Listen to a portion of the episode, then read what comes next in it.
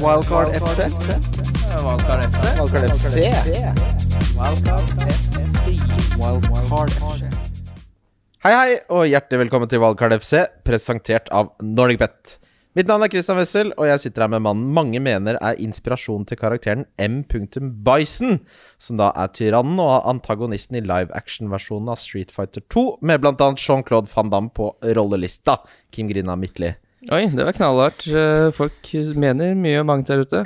Ja, har du sett den? Filmen, nei. Har du ikke sett eh, Street Fighter live action-version? Jean-Claude Van Damme og det, altså Nesten ikke spilt spillet. Har du ikke spilt Street Fighter 2? Nei. Det er bare hjemmelekse med en gang. Komme seg hjem og se på den. Trist. Eh, på et tidspunkt så hadde Jean-Claude Van Damme et så høyt eh, kokainforbruk at det var en egen post på filmens budsjett. Oi. Spiltes inn i, i Asia. Ja. Det Hva var budsjettet på? Vet du? Nei, det var, det var fryktelig til budsjett. Altså, det, det, var, det ble jo for, fordekt.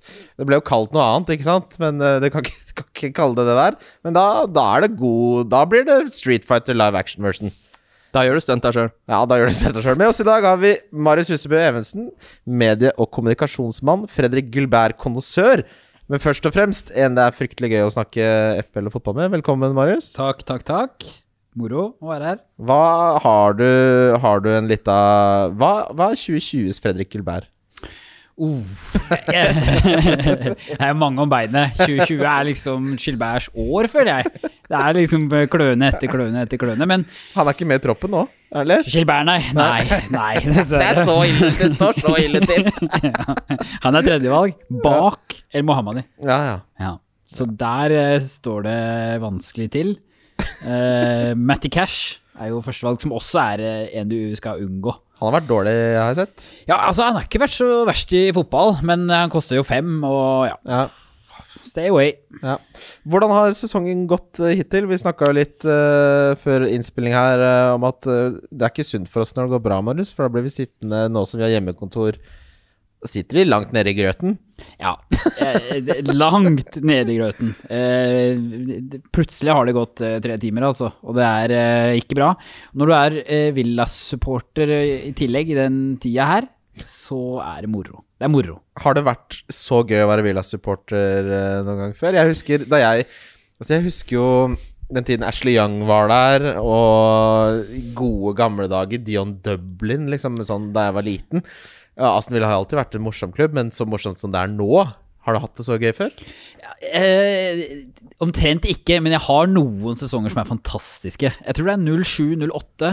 Da er det Milner, det er Barry, det er Young, det Ja. er Karev. Altså det er en del sånne artige spillere. Melberg, Laursen. Ja. Og så har du ehm, ti år før det omtrent, eh, som er noe av det første jeg husker. Da leda vi jo Premier League til jul. Som det er liksom noe du lever på veldig lenge som Villa-supporter, for det er ikke noe som skjer så veldig ofte. Stop the count! Ja. Dwight York, Milesovic, Ja. eh, Schmeichel Altså, det, er, det var et ordentlig morolag, men selvfølgelig. Det, du husker best det som er nærmest deg, og den tida jeg er i nå, det er, det er moro for oss eh, 333 supportere som er registrert i Norge. Si litt om hvor overlegne Manchester United var på det tidspunktet der, når de liksom sender noen avdanka spillere til Aston Villa, og så leder det laget til jul. ja, det kan du si. Ja. Mm. Ja.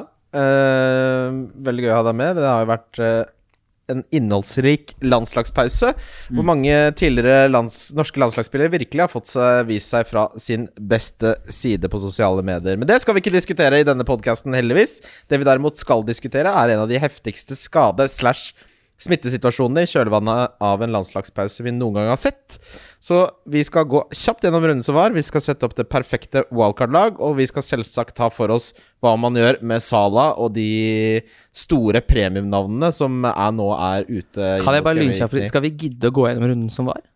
Skal vi hoppe helt over? Jeg tenkte å ta bare jeg bare så på den, og det føles som eh, dette ikke var i år. Ja, jeg, vi diskuterte litt at kanskje vi heller bare skal ta hva vi syns om sesongen hittil. Så kan vi ta med eventuelt hvis vi ønsker å poengtere noe fra runden som var. Skal vi si det sånn? Ja, altså Vi kan i hvert fall ta litt sånn nye trender. da Manchester United uh, ser uh, plutselig ut som et lag man man vil ha spillere fra. Syns du det? Ja, altså Hvis jeg kunne velge fritt kaptein, nå ville jeg gjerne hatt Bruno hjemme mot eh, West Brom. Det er Har du sett hjemme-bortesplitten til Bruno? Ja, den er, altså, han er jo Premier Leagues beste bortespiller, men ikke fryktelig god hjemme. Helt men altså, ekstremt. så dårlig er West Bromwich Albion at uh, der vil du ha Bruno inn på laget. Du kan godt cappe en annen, men jeg ville i hvert fall hatt han på laget nå den runden som kommer. Jeg, jeg United er det som gir meg mest grå hår. Jeg syns det er kjempevanskelig. Det ene er jo at du har et, et lag som er fryktelig uforutsigbart. Så har du noen sånne klare signaler, så vet du ikke hvor uh, mye du skal tolke dem. Det ene er jo det at United er et såkalt bakromslag. Du ser ofte det i Champions League, eh, PSG kjører over fordi de kan sende Rashford i bakrom. Måla som har kommet, stort sett, har vært uh, i bakrom. Newcastle, eksempel, når de åpner opp, så kommer målene. Eller på, på dødballer. Så viser de en litt annen stil mot Everton, og så har de jo klassespillere, og så blir du litt usikker. Hvor skal du sette dette her laget her? Så jeg har forsøkt å gå litt sånn ned i dybden på det, da. Eh, og det som er så vanskelig med en type som Bruno, eh, det er at du ser at han er på en måte Det er jo alles fotballspillere, men du, han er så ekstremt opptatt av disse målpoengene. Så han er alltid liksom veldig opptatt av siste ledd. Og det er naturlig. At han så- er opptatt av det? Du ja, ser ja, det? du, du, det hvordan skal ja, men du ser at han bare Ja, det var han sist! Ja, ja skriv ja, det på det, det er mitt mål, det er mitt mål, ikke sant? Det er han veldig opptatt av. Det, er det, er Det liker vi jo. Ja, det liker vi jo. Og så går du liksom ned i det, og så ser du at han, det er jo noe veldig mange har blitt opptatt av etter hvert. Men samlet denne sesongen så har han en sånn 0,8 in no penalty expected goals. Ja, ingenting. Ingenting. Absolutt er ingenting. ingenting. Og så koster du la litt over ti, og så har du ganske mange andre spillere som er mye høyere opp. Du har hatt en Kane fram til nå, du har en Sala, du har en Mané, du har en Kevin De Bruyne som kommer, og så blir du usikker. Og her står jeg litt sånn midt imellom nå. Jeg, jeg har foreløpig falt på at jeg venter. For La meg stille det spørsmålet. Hvis du har en midtbånd bestående av det som er templaten, stort sett, da Grealish, Zizek, Son, eh, Yota har jeg, da, og Salah har alle andre. Eh, de, så har jeg penger i banken til å gjøre Son til Kevin De Bruyne. Syns du det liksom at jeg burde ta en sånn hokey-pokey og være innom Bruno før jeg går til Kevin Kim, f.eks.? Ja, det er det alternativet jeg har, for jeg syns ikke Bruno ser bra nok ut til at jeg vil ha han i sånn seks gameweeks. Tallene hans beviser jo det. Eh, han skaper jo ikke i nærheten av nok til å koste så mye og gi meg så lite. Men eh, i en eh, runde der jeg syns det er vanskelig liksom, å pinpointe ut den uh, god kaptein, så skulle jeg gjerne Jeg kommer ikke til å hente han, altså. Men for problemet er jo Du vil jo ha Salah tilbake igjen. Så hvis Ja, jeg vil jo mye heller ha Salah enn Bruno Fernandes. Og jeg, jeg sliter sånn med å få Fordi da må jo på en måte Salah bli til Bruno, som blir til Kevin, og så må Son bli til Salah igjen, da. Jeg må liksom Da blir det fryktelig mye bytter for den ene hjemmekampen mot West Bromwich. Er litt der jeg har landa. Og Martial og Rashford For bare, må bare si forresten, Rashford er den mest sympatiske fotballspilleren i hele Premier League. Ja, fantastisk. Jeg elsker det. Han er jo et ikon, bare så det er sagt. Men eh, eh, jeg også sliter Jeg sliter med det, på en måte den praktiske gjennomføringen av å få Manchester United-spilleren inn i laget. Mm. Ja, og så er det jo det at jeg stoler ikke noe på at Manchester United skal være stabilt gode. Det har de nesten aldri vist. Det er de ikke. Ja, ja, det er, og det er de ikke, og nå er de, nå er de mye verre enn noensinne pga. den korte sesongoppkjøringa, korona. Det er en tullete sesong. Dette er ikke sesongen der eh, hvor de plutselig nå skal stabilisere seg på det toppnivået de har. Det har jeg ikke noe å tro på. Men, eh, men han er en gøy spiller, Bruno, da, i, i et litt sånn jagende lag som jeg har nå. Ja. Eh, hvor det er helt åpenbart Kevin De Bruyne, det er liksom Kevin De Bruyne, Salah, Stirling, det er vel de tre i den prisklassen der som skal inn. Men så er det Bruno da, som ligger det lille droppet under de i pris. Og så har han så utrolig stor oppside. Manchester United fortsett, kommer til å fortsette å få mye straffer. Han kommer til å sette de straffene. Eh, så det, det er liksom noe Det er noe spennende der, da, men det er ikke helt det, er ikke så, det er ikke gjennomtenkt, da, for å si det sånn. Det er bare noe jeg har et ønske om å ha Mm. på laget. Det er ikke noe tvil om at vi kommer, til, an, vi kommer til å ha den på rundens lag, begge to. Ja, det, det er det ingen tvil om. Ikke sant? Så det, der, der blir det sånn, det er det ingen tvil om. Nei, Der nei, er han første navnet på midtbaneblokka. Uh, bare for ordens skyld, hvor, hvordan ligger du sånn overall nå, Marius? Eh, 370. 370? Ja. Kim? Jeg ligger på 2,2 mil. jeg. Jeg ligger 72 poeng foran Kim. Oi. Oi, oi, oi. Dette blir det Ja, det er jo to gameweeks, det. Jeg sa jeg, jeg, ja, det, Dette- kan, det, kan, dette hører jeg jo kan, det kan være det. Ja. Jeg sa forrige episode at nå snur det, og siden da så har det jo tre eh, vaksinegjennombrudd. Jeg leder med dette. Dette blir 2021, gutter. Det er ditt år. Det det blir vårt år. Ja, vårt. Ja. Tenkte jeg da at Christian Wessel bare ja, 2020, det var mitt år. det, ja, Det var da det ordna seg for meg. Ok, bare Jeg må stille dere. Hva, hva er det dere gleder dere mest til, til når på en måte verden er tilbake til normalt? Hva er det dere gleder dere mest til? Jeg, savner, jeg savner ekstremt lite. Er det sånn Gjør du det? psykopat å si? Ja, nei, men jeg, jeg, jeg Hvis korona var over i morgen, Og du hadde 900 000 disponibel på brukskonto. Jo, men da har det med pengene å gjøre. Altså, det, Ok, altså, men så, ok, du har 9000 disponibel på brukskonto, da. Ja, ja, ja, det høres riktig ut, det. Eh, nei, så Nei, men hva hadde jeg gjort, liksom? Hadde jeg gått ut og tatt meg en pils? Jeg hadde sikkert sett landskampen ute i morgen, da. Vi hadde vært på, vi hadde vært, Wow. Vi hadde, ja, Hadde såpass, vi hadde vært på ball og sett landskampen. Ja, men ja, ja. Jeg er egentlig litt sånn sterk avstand til det der jazzinga rundt det nødlandslaget. Jeg syns det er litt Færøys fotball uh, 2-0, men eh, Nei, hva, ja, hva hadde jeg gjort annerledes? jeg hadde dratt liksom? til? Tenerife Det er ikke sommer, det er ingenting å få gjort, liksom. Jeg hadde dratt, dratt til Tenerife i morgen, jeg. Ja. Ja, ja, ja. Du og absolutt alle i hele verden. ja det, men det hadde, det hadde ikke vært noen tvil. Men jeg synes ikke Jeg føler ikke at eh, liksom livet mitt blir eh, fra At jeg ble frarøvet livet mitt i de covid-tider. jeg jeg, savner det, sånn som nå som det er fotball på lørdag, så har jeg, savner at andre slapper av litt. Det savner jeg. At folk er bare sånn «Øh, 'Har du tatt på den?' Bare Vi er i samme rom. Ta det helt med ro. Ja, noen har tatt på ting her. Ta det helt med ro. Dette ordner seg. Min uh, bedre halvdel, holdt jeg på å si, vil sprite ned matvarene. Der måtte jeg sette ned foten. Ja, ikke sant, for er der, når det, For nå har det gått litt for langt går eh, altså, vi Ta og gjør alle de rutinene som skal til. Det, det, det savner jeg litt, da. Å måtte slippe å tenke på å sprite alt mulig. Det Men sånn skal som bli nå på lørdag, så har jeg lyst til å se, dra til deg og se på fotball. Ja, men det kan du gjøre. Ja, kan jeg det? Ja, hvorfor kan du ikke det? Nei, kan jeg det, Marius? Det kan du. Da kommer jeg på lørdag. Ja, det er det jeg mener, da. Du kan fint Kan- komme til meg. skal vi avtale vi kan det nå, ikke Kim? ha seks mennesker hjemme hos meg, men du kan fint komme til meg og se det. Ja, men Da har vi en avtale. Det er fantastisk. Hva savner du mest, Mars, mest Marius? Jeg, Hva gleder du deg jeg, mest til? jeg kjenner meg litt igjen i psykopattendensen, egentlig. Altså, ja, men jeg, jeg, Vi er mange. ja, vi er mange. Ja, men altså, jeg, vet, jeg, har, eh, jeg har eh, Er det feil å si det? Jeg har det greit, på en måte. Ja. Jeg vet ikke om jeg ville gjort så mye annerledes. Jeg selvfølgelig ville reist til England og sett en fotballkamp, eller Ja, tatt men det en kan tur. vi jo gjøre uansett. Altså, Ja. Jeg skjønner hva du mener. Jeg må ikke gjøre det akkurat nå. Nei. Jeg kan vente. Jeg veit ikke. Jeg tror jeg er en av de som eh, har det greiest nå, jeg. Så det er mer det at eh, jeg håper det ordner seg for alle andre. Liksom. Ja. Den type ting. Jeg tenkte Så- på det må være jævlig pinlig å dø av korona etter de har funnet vaksine. Da, da har du litt overtenning. Ja. Da skal du, Ja, det er ikke nå, nå må du sette Nå er lyset i enden av tunnelen. Nå må du bare Mm. få deg en gaming-PC og bare slappe av litt. Mm. Les litt stats. Men tror ikke du også når liksom, livet. Ja, når livet kommer tilbake til det vante, så blir det jo bare at det gjør nettopp det, da. Du kommer sikkert til å se Jeg, jeg kommer til å dra på Vålerenga-kamp, f.eks. Ja. Eh, hver 14. dag. Eh, På hjemmekamper. Men det, jeg kommer jo ikke til å dra på sju ka- fotballkamper på rad. en uke, liksom. Bare fordi nå er det muligheter for det. Men, men jeg tror jeg kommer til å sette litt mer pris på alle de bra tingene i livet etter dette her. Altså, jeg tror, Det tror jeg. jeg. tror det er en sånn varig for, Sånn som fugleinfluensaen.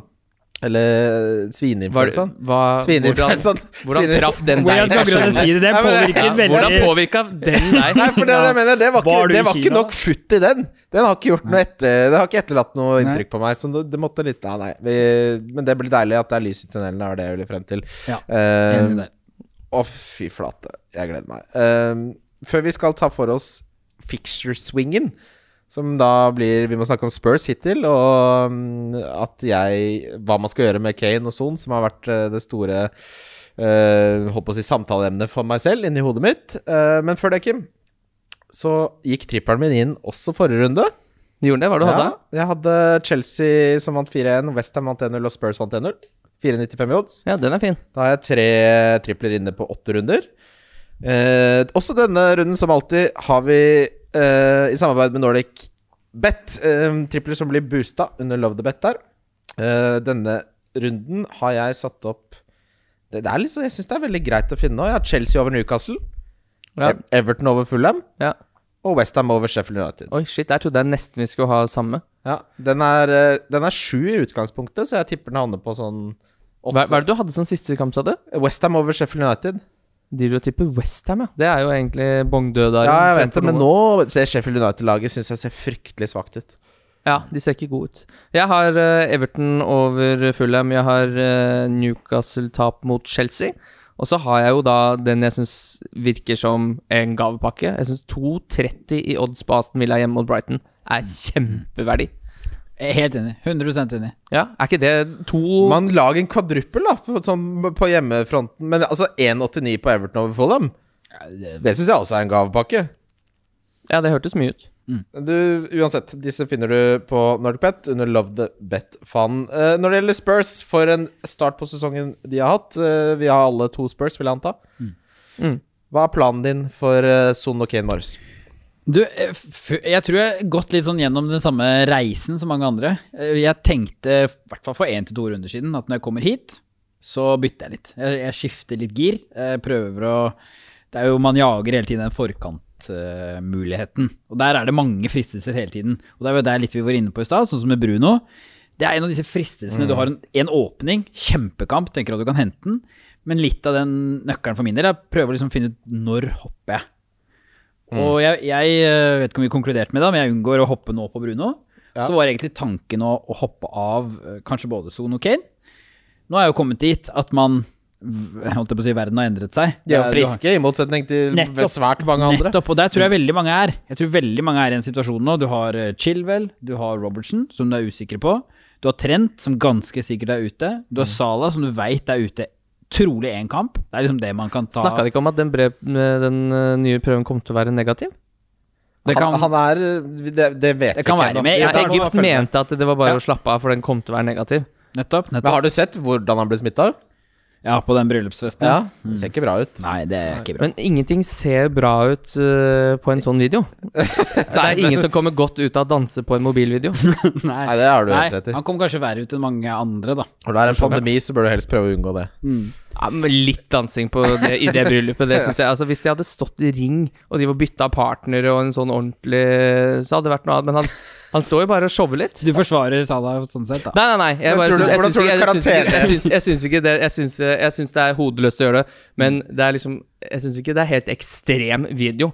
Det er ikke som han går og sleiker folk i Nei, nei, håndflata men det er jo liksom. ikke lov Han har Jeg kan garantere deg at han ikke skulle vært i det bryllupet hvis han hadde fulgt Mente du at retningslinjene. retningslinjene ikke ble fulgt i det bryllupet? Ja, det hadde verken Liverpool Nei, eller FA liker det. Nei, det er, altså, det er jo, det er jo klink kodeløs, da. Ja. Han burde jo han burde, Hvis han blir frisk, så burde jo Kloppa si at du får ikke lov å spille. Ja, han burde bli Ja, ja. disiplinert Ja. eh, internt. Altså, jeg, jeg, forsvarer han ikke på noen som helst måte. Jeg bare syns at den videoen var litt sånn Jeg hørte så mye om den, og så så jeg den, så bare Er det her? Er det det her? Ok, men tilbake til um, Ja, jeg tok egentlig utgangspunktet da, at Salah er ute en kamp. Det er mitt utgangspunkt nå. Eh, Trent er ute i flere. La oss si to til tre. Eh, og så har du en Chilwell og Robertson, bare for å ta det kjapt. Jeg tror begge blir klare. Chilwell så jeg veldig positive uttalelser Robertson også kom til å spille. Robertson kom også vel, nå, nå sent i, i kveld tirsdag, så så jeg også at det var positivt for Robertson. Så de to tror jeg blir klare. Men du har jo da en eh, Trent, og du har en Sala, som fort er ute i neste runde. Så har du en Wilson som halter. Det er en del Ings- som har Ings eh, er ute. Ja, ikke sant? En del som har utfordringer. Så det gjør jo at eh, Kane og Son eh, trolig overlever på mitt lag. Mm. Rett og slett. for- Og så går det litt på alternativer òg. Du har jo en For Kane så har du ikke mange alternativer du må ha inn. Du har flere billigspisser som jeg synes er interessante. Watkins eller Werner er de to jeg hadde vurdert. Ja, ikke sant? Jeg synes uh, Cavett Lewin er fortsatt fin. Han møter jo Ja, Fulham. han har ja. jeg. har noen gode kamper, og mange har nok han inn allerede. Jeg, liker Bamford godt. Om vi kommer mer tilbake til han seinere, men det er fantastiske statistikker. Jeg liker Leeds. Jeg tror det blir åpne kamper mot litt bedre lag. Og du har Watkins. Mm. Tre, tre spisser jeg liker kjempegodt. Skadefri, kommer til å spille alt, uh, osv. Men det er jo ikke sånn at du Må du ha de nå? Nettopp. Og så får du fire-fem millioner på bok, og så har du kanskje en trendskade ved Ja. siden av, eller en Sala du skal ta stilling til, eller en Wilson, som gjør at jeg tenker at et så godt lag eh, rett og slett kan få lov til å bli, og så at jeg heller løser det andre som brenner. Men for meg så er det sånn at jeg har bare Altså, det eneste Hvis vi tar utgangspunkt i at Chilwell blir frisk, så har jeg Sala som er ute. That's it. Mm. Uh, så jeg kan jo fint spare, bytte den runden. Mm. Uh, men det kan bety jo da at jeg må enten satse på at Brewster blir frisk, eller at Dallas tar rollen til Sala. Og det er noe med at når Sala er ute, eh, så liker jeg ikke helt å gå glipp av den muligheten det er å gjøre han til en frisk premiumspiller med en god fixture. Eh, men eh, Hvem er det i den runden her, mener du? Nei, det kan være Man Mané Ja, det er, ja. for eksempel. Eh, opprinnelig så er jo planen min Altså, jeg hadde akkurat nok i banken til å gjøre sånn til Kevin De Bruyne, men det, de spiller mot hverandre. Jeg kan fint vente med den. Den haster ikke nå i det hele tatt. Og Kevin De Bruyne er ikke Jeg var redd for at han skulle kunne gå opp i pris. Han er jo i ferd med å falle i pris. Så der har jeg jo tid uansett. Uh, men altså, nå Hva har du tenkt å gjøre med Salah, Kim?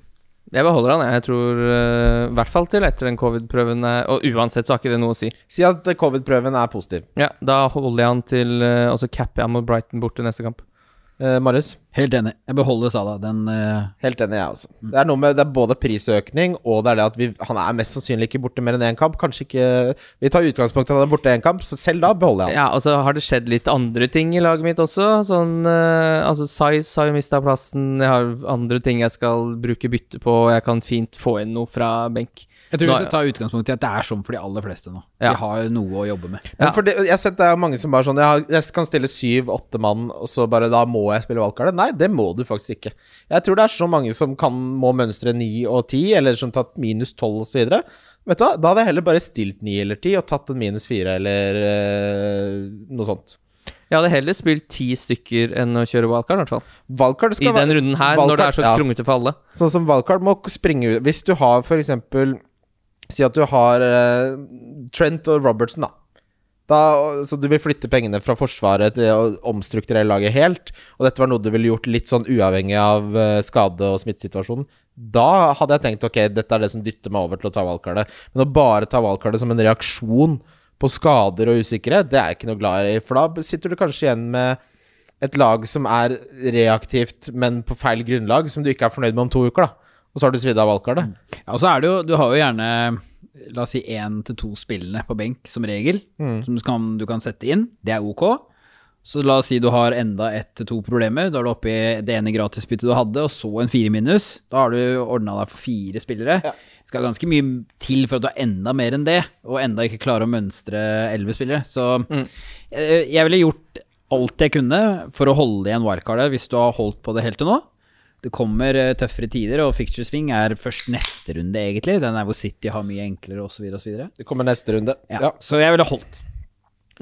Men uh, jeg gleder meg til å få en Kevin De Bruyne neste runde. Det, de penga brenner på bok, ass. Men jeg syns, liksom ikke eh, Son og Kane mot City nødvendigvis er så dårlig feature, eller? Det, det jeg ikke liker med Spurs, da er at uh, hvis du ser splitten altså uh, fra var det runde 1 til 6, eller 1 til 5, hvor de var et av de beste angripende lagene i Premier League, så har det virkelig ikke vært sånn de siste tre. eh, hvor de har vært midt på tre eller dårligere sånn i, i underliggende tall. Så, men jeg er helt enig. City har ikke nødvendigvis en dårlig kamp, for de har ikke vært så gode defensivt. Ja, du kan si på en måte Nå er det Laporte og Ruben Diaz som er bedre, absolutt. Men jeg tror ikke Jeg tror Spurs absolutt kommer til å score i den kampen. Ja. De, de har faktisk blitt ganske ålreite defensivt City de siste, etter at eh, Cancelo kom inn der sammen med Cancelo og Diaz har Ja, gjort de har vel sluppet inn to mål på de fire siste kampene. Men uh, jeg, jeg tror ikke det har liksom så mye jeg synes, et, Sånn statistikk er ikke nødvendigvis så utrolig viktig i én enkeltkamp hvor de møter to så gode formspillere som Kane og Son. Mm. Så jeg er liksom ikke noe redd for, uh, for de. De har fortsatt uh, De er fortsatt eh, i formkurven sin, da. Mm. Så kan det godt hende det stopper her, men eh, jeg, jeg har ikke noe Jeg føler ikke noe behov for å måtte bytte ut en av de. Nei, jeg, jeg kjenner litt på det samme, og det, er igjen, det går egentlig igjen på det bildet som er generelt sett. Hadde jeg hatt et fri stall, og det hadde vært sånn rundt om som regel, så hadde jeg kikka veldig på det. Da tror jeg jeg hadde sett litt på å gjøre noen endringer. Kanskje hente en Siech i, i Chelsea, for eksempel. Han syns jeg er litt er en must have, ass. Ja, og han er, ser kjempebra ut. Eh, fin pris. Eh, møter Newcastle, som kan bli fort åpent og, og greit hvis det første får inn det første på Steve Bruce. Og ja, det gjør at jeg men, men fordi du har de forholdene du har, så blir man mer eh, usikker på hva man bør gjøre. Og så er det, som vi nevnte stad, det er ingen klare alternativer. Og jeg, jeg så City er et bra defensivt fotballag. Jeg så de hadde mm, sluppet til nest færre skudd fram til nå. Det er kun Brighton, eh, som dere sikkert har sett allerede, som har sluppet til færre. Så det, det, det er et godt defensivt fotballag, selv om de har en tendens til å åpne opp veldig mot kontringslag, f.eks. Så var det jo også det beste defensive Altså, jeg sitter fryktelig godt med Cancelo framover, Ja, ja. men det, ikke sant? Det, er, det er noe med det at den episoden vi spiller i nå Det er ikke, det er ikke nå jeg ville trykka på på knappen, og vi skal videre til lyttespørsmål, Kim, og vi skal annet snakke mer om det. Ja. Lyttespørsmål. Lyttespørsmål? Yes, lyttespørsmål. Det, det blir mattungt. Vi begynner å nærme oss uh, jula. Det er uh, mange som stiller matspørsmål, og det er mange som veldig, syns det er veldig gøy. Det syns jo vi òg, så det passer perfekt. Eirik Brekke spør topp tre julegodis.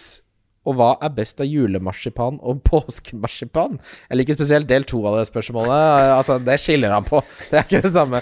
Julegodis for meg er én ting og én ting alene. Det er pepperkaker. Uh, helst pepperkakedeig, selvfølgelig, men jeg er jo dessverre voksen, så det, de må jeg spiser stort sett pepperkaker. Og da kjøper jeg de fra Setre, de på den derre uh, sølvboksen som koster 80 kroner nå.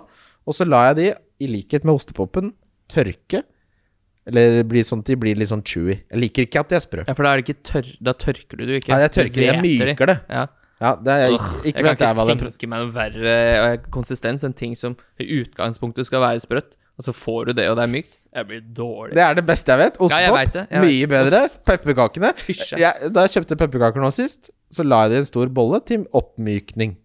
Jeg spiser ikke før om tre dager. Nei, nei. Du er så st Hver gang jeg er her, så noterer jeg meg alltid ned sånne mattips. Du er så sterk der, og det er så kjekt. Noen kan notere ned stats eller den Bare prøv. Ja, helt nydelig. Det er, hvis du liker ostepopen seig, så liker du pepperkaker myk. Ja. Det kan jeg bare si.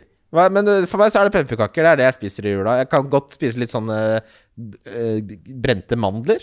Ja, det syns jeg kan være Det er godt. Jeg har aldri smakt sånn der eh, glasert eple. Ja, det er ikke smart. Det Smart. ser Sånn som grisen har i munnen. Eller er ikke det glasert? Jo, det tror jeg. Eh, Fordi det er en sånn eh, Hæ? Nei, det er vel Ja, det må jo være ja, glasert. ja, ja, men du skjønner hva jeg mener. Ja, ja, jeg, ja, ja. jeg føler jeg har sett i veldig mange amerikanske filmer disse glaserte eplene. Hvordan er det man gjør det? Dypper det i sukker og Jeg må jo bare være det. Tar det i mikroen? Ja, noe konditorfarge oppi noe Spiser man det i juletida? Glaserte epler Men tenk, tenk deg hvor psykopat det er. Ikke det Bare- sånn thanksgiving og sånn. Er det ikke det? Du dukker opp på et møte. Du skal ha et møte på jobben, så dukker du opp. Det er desember, 16. Sitter desember. Kommer du med et glasert eple og gnafser løs? Folk blir jo livredde. Hvis du sitter og tygger grus borti hjørnet. Tror ikke du kan gjøre det. Men eh, ja, nei, jeg mener at det er jul, altså. Det kan godt hende jeg har bomma på høytida her. Men hva, hva, hva slags godis eh, liker du best uh, i jula, Kim? Jeg er ikke noe veldig glad i sånn julegodteri Sånn høytids... Ja, men jeg syns jo sånne er marsipanstenger syns jeg er ålreite. De stengene. For det er mer sjokolade, da. Jeg syns egentlig ikke marsipan. Stenger Ja, sånn marsipanstenger. Sånn, eh, ja. Som du kjøper med seks stenger i en sånn eh, plate. Jeg savner Bestemor min har jo gått bort, men det, det tok jeg meg selv i å savne, for hun bakte syv eh, Ja. sorter. Ja, det er mye. Sånne sirupsnipper. Så kjøpte jeg noen sånne eh, ferdigproduserte greier, og det var Du satt i en eh, Det var tristesse, ass. Det var, jeg ringte mamma og bare det, det der går ikke. Nei. Nei, det er litt jula for meg òg, tror jeg, egentlig. Eh, eh, Svigermor som lager noe bakst, Ja. som du kan bare plukke ut av de boksen gang på gang, og som fort det blir tomt, så fylles det opp igjen. Det som er gøy med sånn de av den gamle skolen, der, der er det ikke lettbeinte på sukkeret. Det er sånn du tar en bit, så er det sånn Åh! Ja, vet det. Og det er godt òg, da. Ja. Jeg, jeg, de um, rosas sånne nisser, Oi. har du smakt på de? Som er ja. myke? ja, de er ikke så gærne, faktisk. Jeg, Det, det, det, det, Rosa det er hata og Ja. elsket, men det, jeg sp- spiser det det én gang i året, og det er i desember. Helt nydelig. Det må, det må du sende meg hva er, for det har jeg ikke smakt Det er sånn Ja, nisseskum. Nisseskum, ja. Det høres godt ut. Ja, det er helt nydelig. Helt nydelig. I desember, bare. Ja. Altså. Ja. Eh, og hva er best av julemarsipan og mås... Oh, herregud, påskemarsipan? Uh, jeg, må bare si Jeg Du elsker smaker mandler. forskjell på det. Elsker mandler. Nei, men jeg er ikke så glad i marsipan. Nei. Men det jeg er glad i, er sånn Du vet den der generiske kaka man får ty typisk på jobben når noen har blitt ferdig med et prosjekt eller noe, som de kjøper fra Baker Hansen, ikke sant? Det ma marsipanlokket, Ja. ja, det liker jeg. Men uh, helst ikke Jeg elsker det spørsmålet der. Jeg får meg til å tenke litt. Og så tenker jeg litt sånn Hva liker jeg? Og så vet du hva, så, eh, oppi hodet mitt så lander jeg på påskemarsipan veldig klart. Jeg liker emballasjen bedre. Ja, ja, men bare bare Da er spiser jeg marsipan. I jula så er det andre ting, men påska, da er det marsipan helt sikkert. Det er noe med at i jula så er det jo Du har jo ribbe og fet mat og alt dette her, og så skal du ha marsipan i tillegg. ja, det kanskje. blir for mye fett i monitor. Jeg vet ikke. Jeg, jeg, jeg, jeg svarer påske ganske klart, altså. Jeg, Jeg spiser nok mer godteri i påsken enn jeg spiser i jula. Sånn, fordi da er det så, ja, som du sier, det er så mye annet Ja. som tar oppmerksomheten. Men et, eh, et realt påskeegg i påsken der, Ja. med noe litt Ja, det er eh, Litt sure der. belter. Det er kanskje påskeegget som gjør Sure det. belter og sure, sure smilefjes. Det, det er bare sånn Ja, det er- det er- apropos, apropos mattips. Kjøp et salt smilefjes og et surt smilefjes, og så klemmer du de sammen. Så får du den beste godteribiten du har smakt. Å herregud, skal Oi. folk begynne å Er det hockeypulver og Det er krokodillekjør? helt nydelig. Du må Ja, ha det, noe egen er, mat. det sure og det salte er fryktelig godt. Vi skal videre. Thomas Wold uh, har mitt favorittspørsmål hittil i 2020. Okay. Okay. Hva er den ultimate håndverkerlunsjen hvis du kun har Rimi, Kiwi eller Rema innenfor 10 mil omkrets? Jeg liker han, for det betyr at han bor på landet, og at han er håndverker. Og at Hvorfor han betyr det at han bor på landet? For det er jo bare Kiwi og Rema innenfor ti mil omkrets. Eh, Ti mil, ja. ja. Nei, da bor han ikke Og han har også skjønt at Kiwi og Rema, det har jo vi snakka om, for både du og jeg har jobba en ferskvaredisk på et eller annet tidspunkt i vårt liv. Du har i hvert fall vært innom der. Fordi hvis det er i nærheten, så er jo svaret åpenbart. Da er det karbonader som du deler i to Ja. og tar på en bagett, eller Men det er ikke noe utfordring, for Det det er ikke er utfordring. jo. Men Kiwi eller Rema, da, snakker, da er det et helt annet spørsmål. Ja, det, den her syns jeg er vanskelig. Ja, ja, jeg syns den er vanskelig. Men jeg, jeg, det er litt artig, for jeg jobba på Kiwi Ja. uten den type butikk i nærheten, med veldig mange håndverkere innom. Og jeg Oi. satt i kassa. Ja, for hva går altså, da? jeg har sånn first hand information her. Hva går det i? er- Nei, det er det Her skulle jeg ønske det var noe veldig artig. Det er det, det. Peanøttsmør og loff! Nei, det er det samme greia som de kjøper vanligvis. De, hørtes veldig som Men som man kjøper vanligvis. Det er uh, rundstykkene. Ja. Det er alltid en eller annen sånn smørost, rekeost, den type ting. Ja. Og så er det skinke, ost og ting du kan putte inni den. Så du åpner rundstykket, putter inn reke, rekesmør eller hva det er for noe. Og, og så skinke, ost, og så er du ferdig. Og så gjerne brus. Ja. Og der er det sukker i brusen. Ja, alltid sukker, ja. Når du skal drive og spa pukk, så kan du ja. ikke ha aspartam i brusen! Den gangen jeg satt eh, der også, var det jo så vidt zero-varianter. Men det, det er det som gikk hver eneste gang. Altså gjerne en god sånn sjokolade på slutten. Å, det er det som handles. Eh, men hva, hva, hvis du kunne valgt, da, Kim? av alt. Du, ja, du er ute og jobber, du, du har Ja, ikke noe vi- vi- Du går ikke på Kiwi. Hva, hva kjøper du? Jeg har vært Jeg, jeg er jo ikke håndverker, men vi hadde jo det da Humor Nå hadde kontoret nede i, i, i sentrum, så var det egentlig ganske lite Da er det enten varm lunsj eller ingenting. Men så var det en liten butikk der, og da fikk vi at, en greie på at vi hadde, kjøpte rundstykker. Og så kjøpte man eh, marmelade. Oi. Remulade, mener jeg. Og så roast beef. Og så oh. kutta bare en Hæ? sånn tynn slice med løk oppå der. I mellom to, og så Du spiser løk i lunsjen, da? Ja, det er ikke noe problem. Ja. Det har jeg vært bekymra for. Hvorfor det? Nei, det, plutselig så får du løkånde, da. Nei, det tror jeg er oppskrytt. Oh, ja, okay. Det tror jeg faktisk ikke skjer Men, så ofte. Jeg har aldri møtt noen som er løkånde. Har du ikke? Nei, det tror jeg ikke. Ja, det- Da er det mer at man sitter og Ja, nei, det har jeg gjort. Det er, det, er, det, er, akkurat- det er akkurat som når du kutter opp løk, og så får du den der løklukta på fingrene. Det er forferdelig lukt. Også, Ja, på det, fingrene, ja. ja, ja, ja, men det er, den duker folk, noen har den i munnen også, men, og det verste med det, det løkehendene, er at jeg har lest et sånt triks at du klarer ikke å vaske det av. Du må gni det mot rustfritt stål. Så jeg sto jo og gned meg mot vasken som en, uh, som en psykopat. Og så ble jeg bare Hva faen er det du driver Men det er litt kronglete, men det beste er bare å ta litt sprøstekt løk, for det klarer du ikke å få ånde av. Nei, nei. Sprøstekt løk. Men sprøstekt Eller løk er, sprøstekt løk er jo ikke noe godt. Nei, jeg bare føler at sånn øh, At den der, Alt det rundt løk Det er sånn Når man kommer fra distriktene så vokser man opp med at, sånn, jeg at hvitløk det er livsfarlig. Og det må du være forsiktig med. Ja. Men når du blir eldre, så bare Du kan ha nesten i hvor mye hvitløk du bare vil. Ja, ja, det, det er ikke det- noe Så lenge det ikke er rå hvitløk, så Ja, det så lenge, ja, så er det bare sånn Og jeg føler det er litt det samme med løk også. Og du må være veldig forsiktig. Nei, du må ikke det. Jeg jeg har lyst til å konkludere litt her. Hvis Rema eller Kiwien har en salatbar Re Kiwier har jo ikke det, men Rema har det av og til. Så er det det åpenbare svaret. Uh, og da ta Hvis du finner de der tigerrekene, uh, eller reker for den saks skyld, eh, og, og kylling, og du må ha alle mulige slags proteiner, men hvis de ikke har det, så liker jeg den eh, sånn, eh, De har jo sånne løstvektbagetter. Ta en uh, jalapeño-ost, og så fra Kavli, og så tar du noe skinke og noe. Det høres godt ut.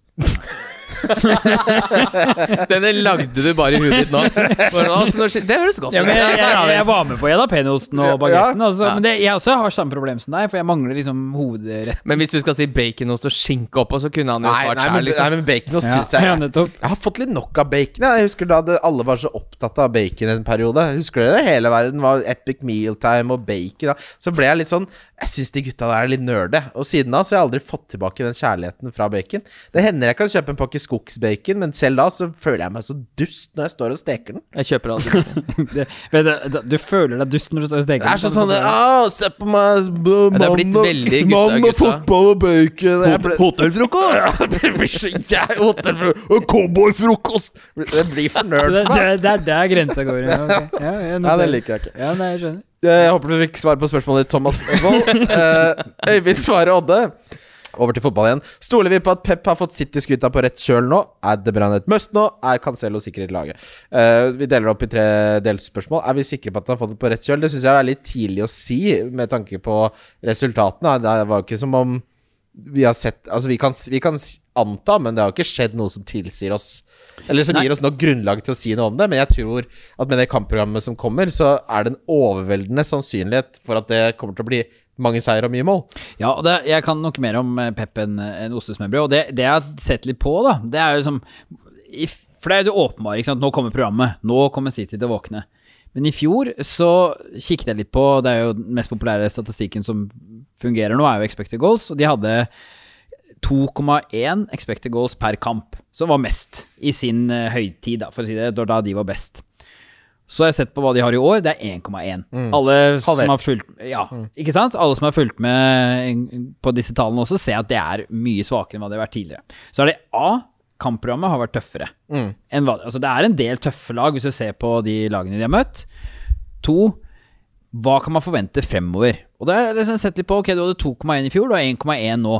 Jeg tror det blir feil å forvente at du får fjoråret City selv om kampene blir bedre. De, må, de, de trenger Da hadde tallene vært bedre til nå, selv om det hadde vært litt tøffere motstand. Det jeg tror, det er at vi kan forvente omtrent noe midt imellom. 1,5, 1,6. Ja, Ja. 1,5-1,6. Hvor er du da? Jo, da ligger du på ca. femteplass i Premier League. Da er du omtrent det femte mest eh, det beste offensive laget. Det er der oppe sammen med Everton, det er Tottenham, det er Liverpool, det er Villa, det er Leeds. De har vært de fem beste til nå. Da ligger du oppe i det uh, bracket der. Hvis du har et lag som eh, er så godt, som ligger så høyt oppe, så vil det naturligvis være en eller to spillere som peker seg ut. Det gjør at jeg er blitt nysgjerrig på hvem kan det være. Ja. Og da går jeg selvfølgelig inn i dybden på City, ser hvem er det som skiller seg ut. Går liksom gjennom statistikkene til City-spillerne, og der er det jo igjen det, åpenbare som du har, du har tenkt at du kunne være, og det er Kevin De Bruyne. Han har fantastiske statistikker hvis du ser på en del av De de kreative er Ja, ja. fortsatt eh, Han- det beste Han, han er jo den som har skapt flere sjanser. Han har jo, i forhold til veldig mange andre, omtrent ikke spilt fotball. Altså, Når det har vært eh, syv-åtte runder, og han har spilt eh, fem til seks av de, så er han fortsatt på topp. Så skulle jeg ønske at sjansene var større, som du skapte, osv. Og han har masse skudd. 20 skudd, så jeg, fra runde to til åtte. Tok ikke med én fordi en del ikke spilte den runden. Som er flest av alle midtbanespillere. Så er det en del utenfor boks som jeg ikke liker så godt, da. Ja. Men han er jo fortsatt en god skytter, og så er det spørsmål om han er på straffer. Men så i hvert fall, jeg har konkludert med at jeg har fryktelig lyst på Kevin De Bruyne når det kommer til Gaming 10. Det er der jeg vil hoppe. Derfor unngår jeg å gå etter Bruno nå. Jeg går fra f.eks. Son Ja. til Kevin De Bruyne, runder 10, og veksler på cap mellom han og Sala. Det er det jeg også har tenkt. Jeg Ja, har, det høres Det er akkurat det samme jeg har tenkt. da, da jeg gjorde byttene mine sist, så gjorde jeg spesifikt for å ha råd til sonen til Kevin De Bruyne. Det var det som la føringene på de byttene jeg gjorde. Uh, og jeg gleder meg som sagt til å gjøre det. Jeg syns Sterling har vært en enorm skuffelse denne sesongen. Uh, og jeg tror litt at han lider av at Aguero er ute, egentlig. Jeg tror det påvirker han i, i større grad enn vi tror. Aguero tror jeg ikke er en spiller som vi noen gang kan stole på i fantasy igjen. Uh, sånn som skadehistorikken er nå, med utløpende kontrakt osv. Så, videre.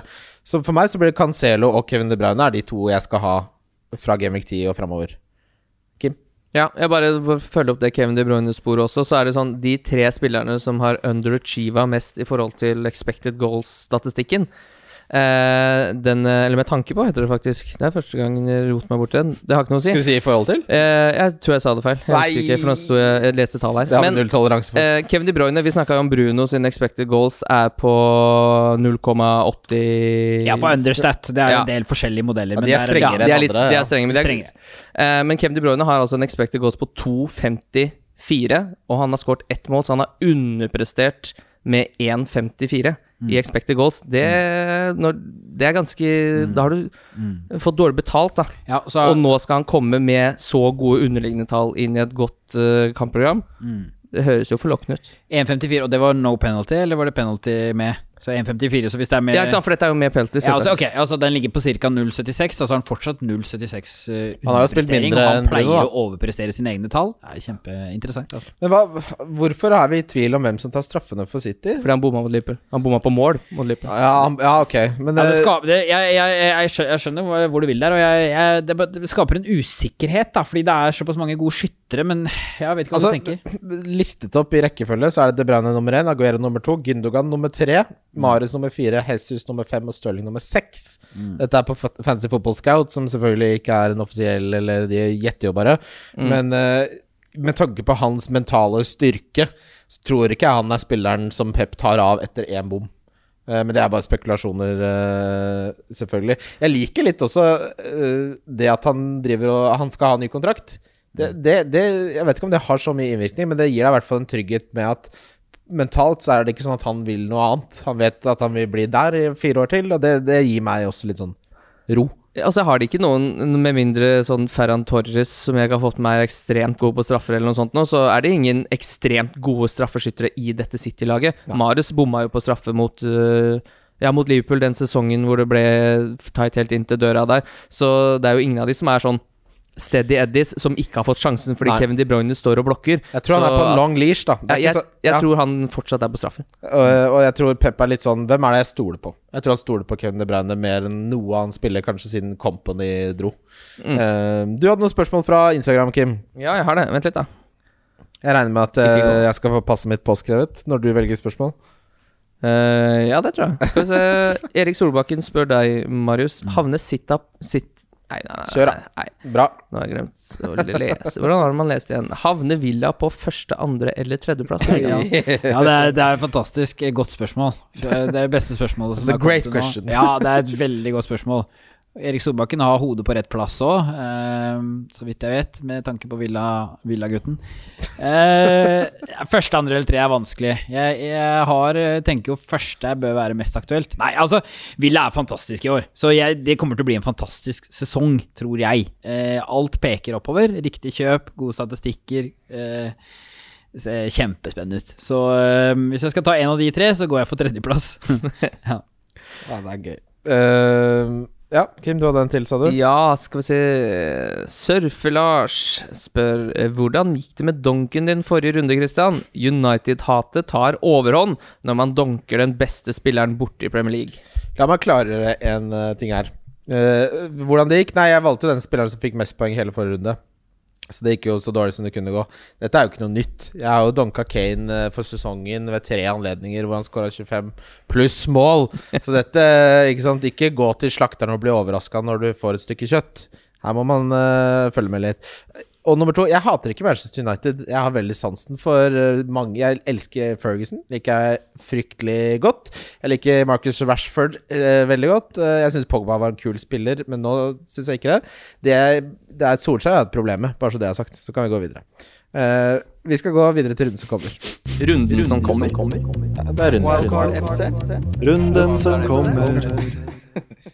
Men Kim, jeg må, da, da kom, det er så deilig. Nå er det altfor lenge siden jeg har møtt opp hos deg klokka 13.00 og skal se Newcastle-Chelsea. Det er fryktelig det gleder jeg meg Ja, til. det veit vi så godt begge to, at du er ikke der før klokka fire. Men uh, det er en kjempe Jeg skal lage mat til deg. Det blir hyggelig. Uh, Newca- Newcastle-Chelsea.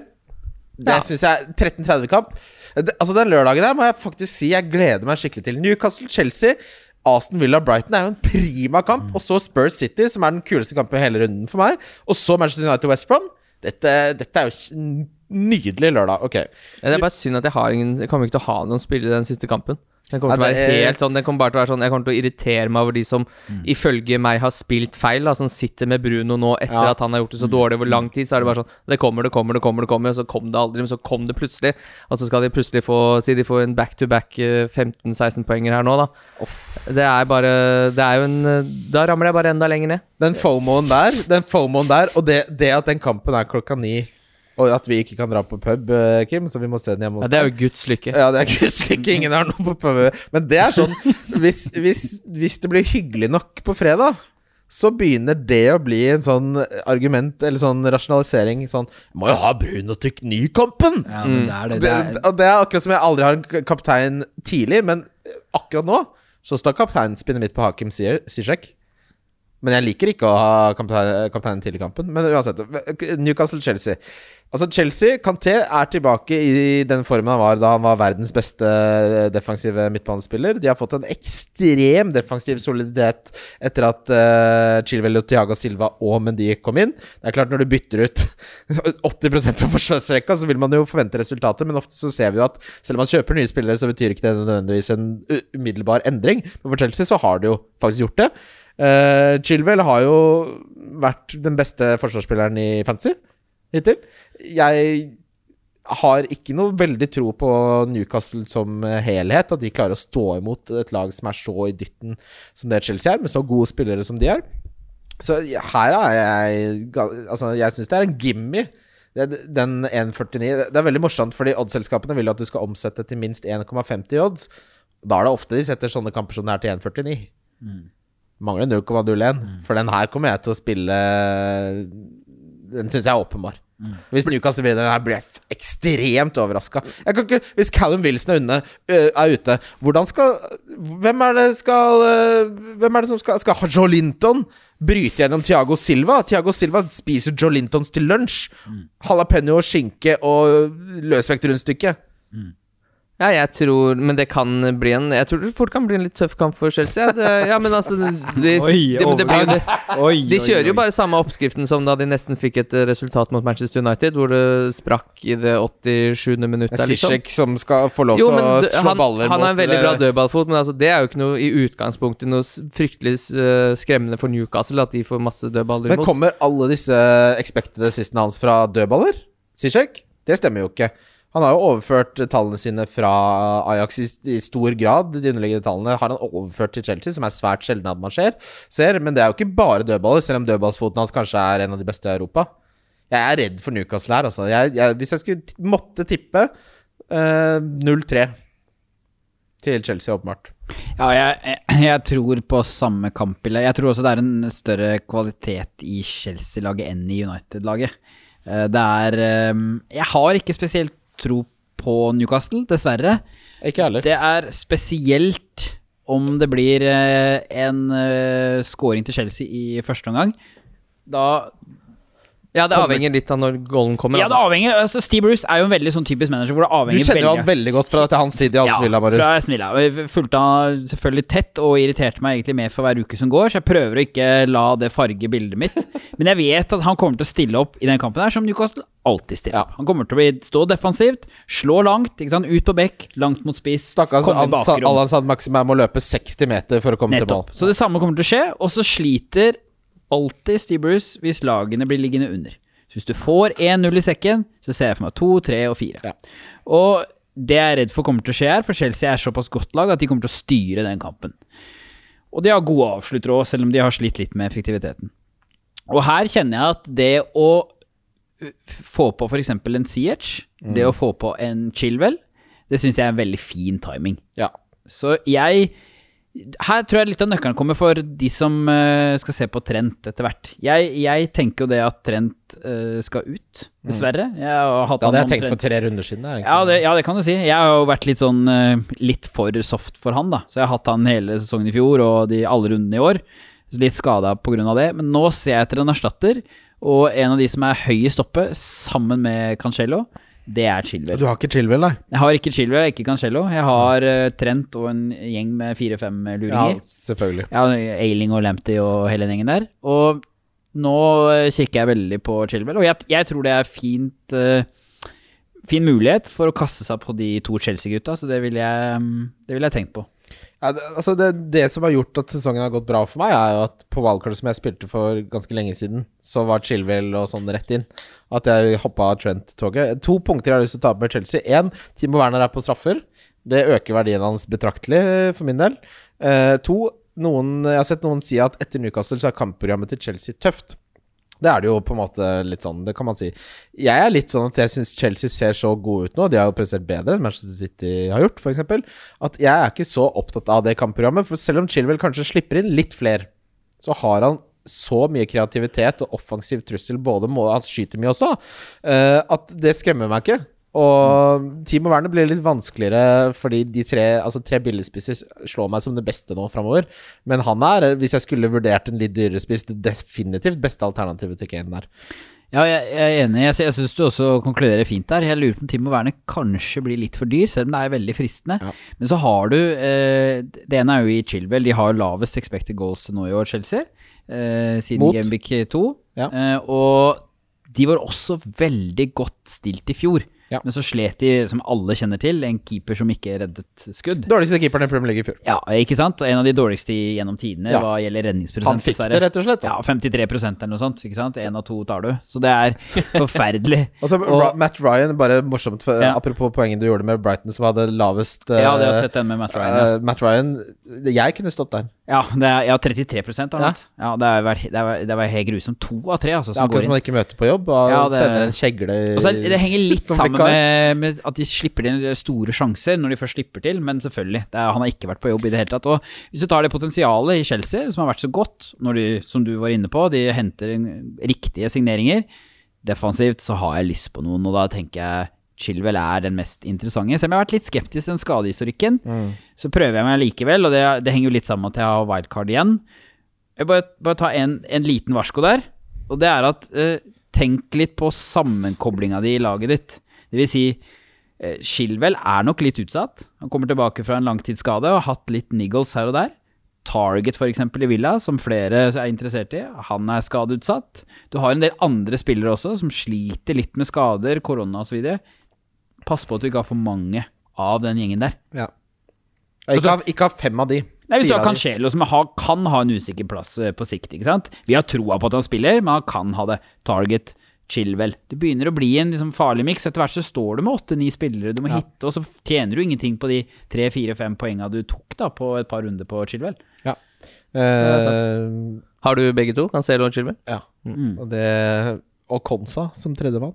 Ikke sant. Da går du for Konsa som tredjemann, og da er, blir det noe helt annet. Ja, for der har du nailed, ikke sant. Og Dallas er jo så nailed som man får det, så man må balansere, ikke sant. Mm. Eh, apropos Konsa og for så vidt Matt Ryan.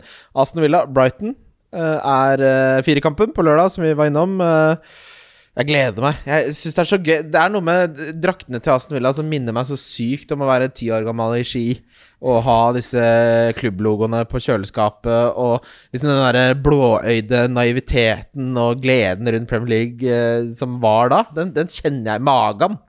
Det er deilig. Jeg blir, jeg blir glad av å høre det. Jeg, Jeg- ja jeg, Hva tror vi her? Hva, hva sa Jeg har du? lyst til å- om ja, om jeg, jeg, jeg, Sorry, jeg drømte om barndommen og alt det nå. Eh, Men fotball var aldri så fint som når du var ti og skulle ut på Løkka og leke oh, Dwight York. Ja, fytti rakkeren. Ja, altså, det, altså, bare for å si det sånn, du var inne på det i stad, Kim. Dwight York gikk fra Villa til United, altså. Han var ti år i Villa, det var ikke andre veien. Å Bare så nei, det er sagt. Å nei. Så nei, eh, jeg har jo naturligvis stor tro på Villa. Villa har over mange, mange år tradisjonelt sett vært et veldig sterkt lag på Villa Park. Mm. Det har vært liksom deres skikkelige stadion og hjemmebane, og det har vært et sånn typisk sterkt hjemmelag. Så har det vært litt usikkert hvor de faktisk står nå etter eh, korona, og hvilket lag Villa er. Hvor er de best? Er de best når de kan ta kontringer, som mot Arsenal f.eks., eller er de best mot lag som Brighton? Um, vanskelig å si. Jeg har kjempesa... Altså, det å ha Jack Relish på laget, det, det tenker jeg at det er Fikk dere med dere bare sånn kjapt eh, det, da han spilte nå for England? Ja, ja. Så jeg ser Eh, jeg, Kim, jeg sikter mest til deg. Jeg antar at du fikk Ja, det med deg? Ja. Hva da? Fikk du med deg Grealish for England? Nei, jeg fikk med Ble ikke han bytta inn? Men, altså, du må se Han så ut som Jeg så en uh, flikk der bare, som ja. ble Men han fikk ikke noe målpoeng, så jeg. Nei, nei, men han var Men jeg skal ha han som kaptein. han var, et, han var ett hakk bedre enn alle andre den lille tiden han spilte. Det var helt utrolig å se på. Jeg vet ikke hvor jeg skal starte. Altså, han er i hele Villa, det er det ene. Og, det, og, og la oss ta det enkleste og mest håndfaste, som enhver kan se, som du ikke trenger å være Villa-supporter for å på en måte bli helt forelska av, og det er jo statistikken hans er kjempegode. Målpoengene han får, som alle kan se, og underliggende tall. Ingen har flere skudd i boks av midtbanespillerne. Genvik 2 til 8. For å ta en Han er helt oppi hvis du tar expected goals involvement, altså det lange ordet da i tillegg til non-penalty. Så er han helt der oppe, sammen med Bamford og Kane og Calvert Lewin. Eh, Han kommer til å spille 90 minutter hver eneste gang. Han kommer til å få ballen hver eneste gang Villa er i angrep. Kommer til å være involvert i alt. Han er så uredd, da. Ja. Han aldri Han vil alltid ha ballen. Han vil alltid ta ansvaret. Det, han er bare Det er litt man-crush på han. Ja, ja, ja, ja, veldig. Jeg blir nesten litt sånn tolv år gammel gutt. Altså, det er ikke bra. Men eh, jeg ser på YouTube-videoer, ikke sant, når jeg har sett alle kampene likevel. Men eh, så han eh, Jeg slår jo litt inn åpne dører akkurat hva gjelder han nå. Men- så er det jo nummer to er jo Watkins. Jeg er kjempeinteressert. Jeg, for meg er han nummer to. Han er over Barkley, hvis det er noen som lurer på det. Og jeg er, eh, har hatt veldig lyst på han, og ta inn han for Kane. Han ligger inne i boksen, han kommer til å være kjempemye involvert. Jobben hans er å jobbe innafor 16-meteren. Og det gagner et lag som er så godt offensivt som Villa er. De er helt oppi der. Er Konsa den beste forsvarsspilleren, vil du si? Du, den der er interessant, for det kikka jeg veldig mye på. Eh, akkurat det der. Jeg, jeg, jeg klarer ikke helt å, å lande den, men jeg, til slutt så gikk jeg for target. Ja. Han har våkna litt. Eh, det er viktig å få med at fra runde én til seks, eh, to til seks som det blir for Villa, da, så hadde han ingenting. Han skapte null sjanser og hadde omtrent null skudd. Siste tre rundene så har han skapt eh, fem sjanser og har tre skudd. Så det ser ut som han har våkna litt, kommet litt inn i rollen, fått litt den uh, posisjonen egentlig Villa-supporterne tror han kan ha, fordi han er jo på siden til Grellers. Ja, og så var han jo sånn i Southampton. Han skapte fryktelig Ja, sjanser nettopp. Men når du er på sida med Grellers, så ser du at tre spillere går på han. Ja. Så Target får mye rom. Det, det skjedde der, så er det etter gang Ja. etter gang i fjor. Så er det eneste som er usikkerheten, det er den eh, skadeutsatte, som må bare passe på den totalmiksen. Men det er helt klart, når jeg skal hente noen bak hos Villa, hvis ikke jeg hadde hatt Martinez, så hadde jeg gått for Target. Jeg har jo både Martinez og Konsa Mm. og Grealish, så jeg kan ikke ha Watkins. Det er jo et problem som jeg ikke trodde jeg skulle ha da denne sesongen her eh, startet. Hvem er på straffer for Villa, Ja, Marius? Det er Watkins. Jeg har sett jeg har fått spørsmålet. Eh, Det er et godt spørsmål. Mange lurer på om det er Grealish, fordi de så Grealish skulle frem og ta straffen.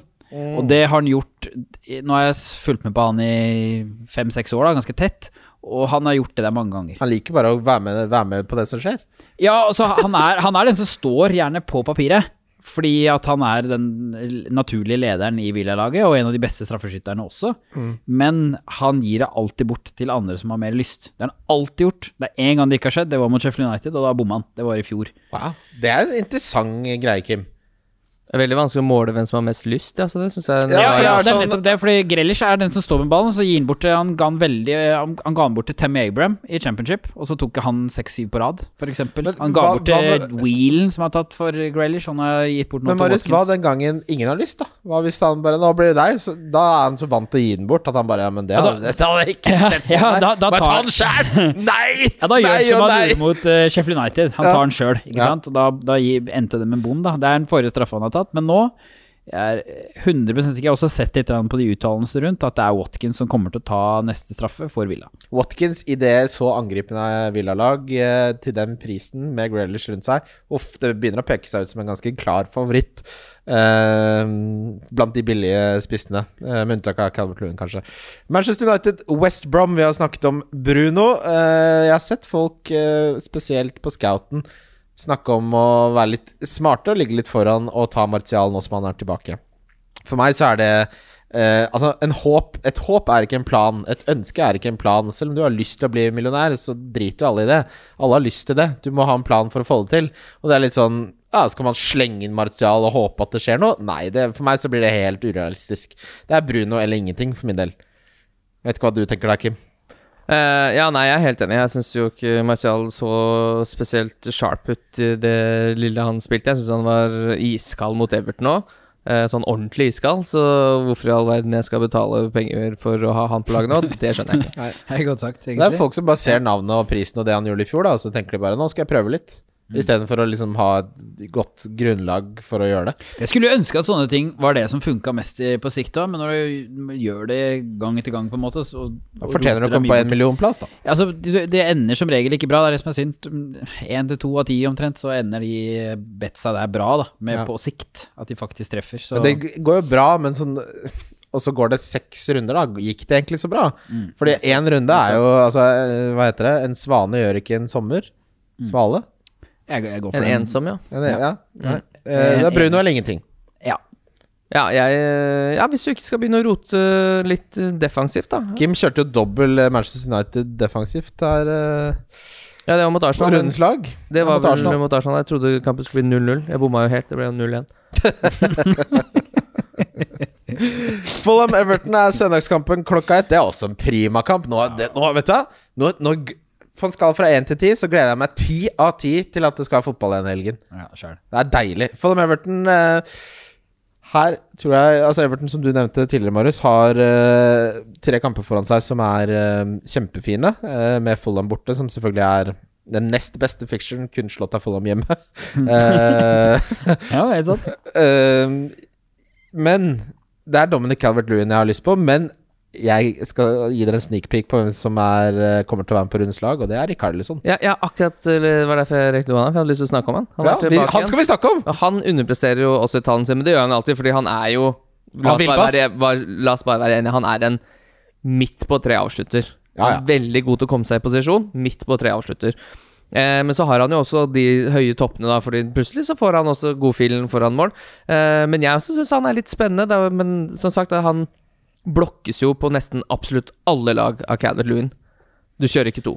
Nei, men jeg kommer til å kjøre han over Calvert-Lewin på rundens lag. Ja, fordi han tar vel uh, Han er på straffer, er han ikke? Nei, Jeg skal sjekke. Uh, men James Rodriguez har jo ikke hatt målpoeng siden runde fem, hvis ikke jeg tar feil. Men jeg, jeg, jeg Mari snakket om dette litt før, at de, Everton trenger en spiller som Calvert Lewin. Uh, nei, unnskyld. Uh, Rikarlison.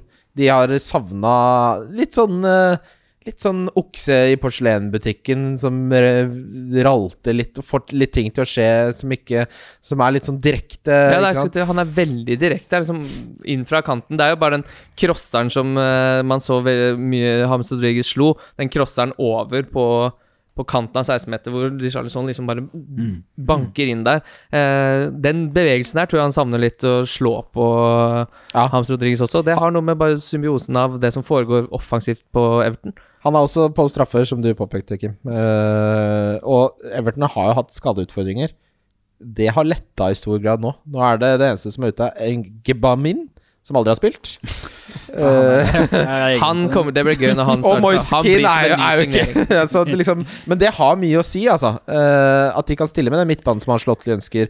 At de ikke har tre skada midtstoppere som gjør at de må starte eh, mye forskjellig, for å si det på den måten, eh, baki der. Eh, nå ligger alt til rette for at det skal bli en bra periode for Everton. Og jeg har Dominic Calvert-Lewin. hadde jeg vært på wildcard og jaga litt, hadde ikke vært fryktelig fremmed for å kjøre Rikarlison isteden. Ja, ja, ikke sant. Jeg, jeg, jeg, jeg er helt enig i liksom hele eh, analysen. For jeg, du ser jo når du ser kampene av Everton, det blir jo mye fotball når man ser. Det er Det mangles. Det mangler noe. Og det, det gjør det enklere å plukke ut Carrot Louie nå. Fordi eh, to midtstoppere kan ta han, og har ikke noen andre uromomenter rundt seg. Men når du skal ha på Fantasy, så, så, så står jeg fortsatt på at liksom Calvert Lewin er det sikre Han er det sikreste. valget. Eh, Så Ja. Det er derfor jeg kvalifiserte deg med 'hvis du jager'. Ja, hvis du jager, ja. Ikke sant? Ja, ja det jo, det er, det det er høy men, da, da, men da kommer vi til et paradoks i fantasy, at du bør alltid velge de som får mest poeng. Så Ja, hvorfor ikke det. velge de tryggeste, men på et eller annet tidspunkt så er det litt sånn Så er jeg ikke noe glad i å jage innad i samme lag. Nei, nei det Men- men jeg er ikke noe glad i å ha begge to. Imot, liksom Vil du ha begge to? Det blir for mye. Fordi, Ja. Nei, nei, nei.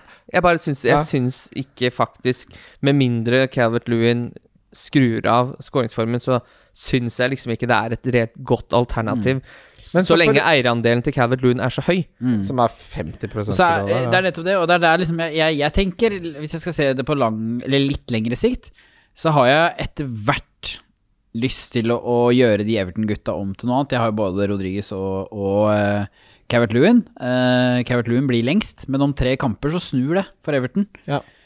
Så jeg tenker liksom man kommer nesten litt sånn eh, langt etter hvis man begynner der nå. Det er heller det å begynne å La oss si du sparer opp bytte, eller begynne å få inn City etter hvert, og begynne å få inn andre lag. Altså. Ja. Uh, Jeg, jeg elsker den tanken om Richarlison. Det kommer til å løfte Everton, det er jeg helt sikker på.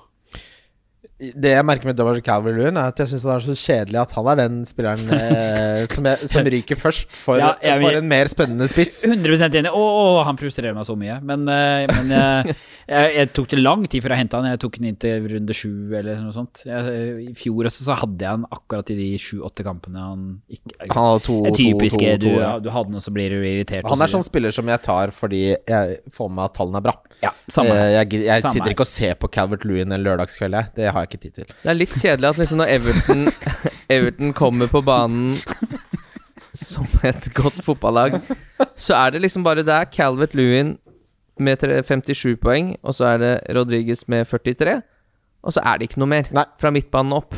Nå har jo selvsagt da Richarlison vært ute etter den grisetaklinga. Det er de tre, da. Men eh, ja, så er det han som kan være Men han, jeg syns fortsatt han blokkes litt av Calvert Lund.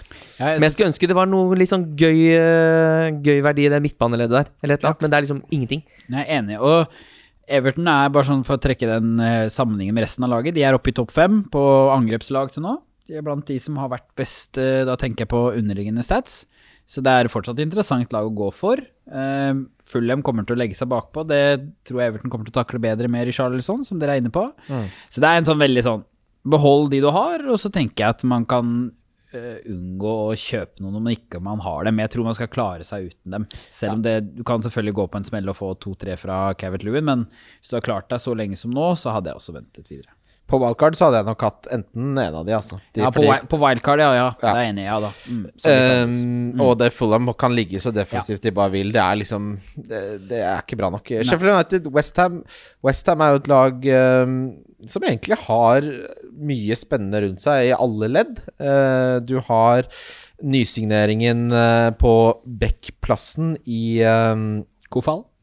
Helt riktig. Kofal til 4,5, som eh, strengt tatt nesten kan eh, se ut som en av de mer spennende 4,5 uh, forsvarsspillerne av alle. Eh, kampprogrammet til Westham er godt, eh, vil jeg si de neste Egentlig, du kan si det er godt til runde 21, med unntak av eh, Manchester United og Chelsea.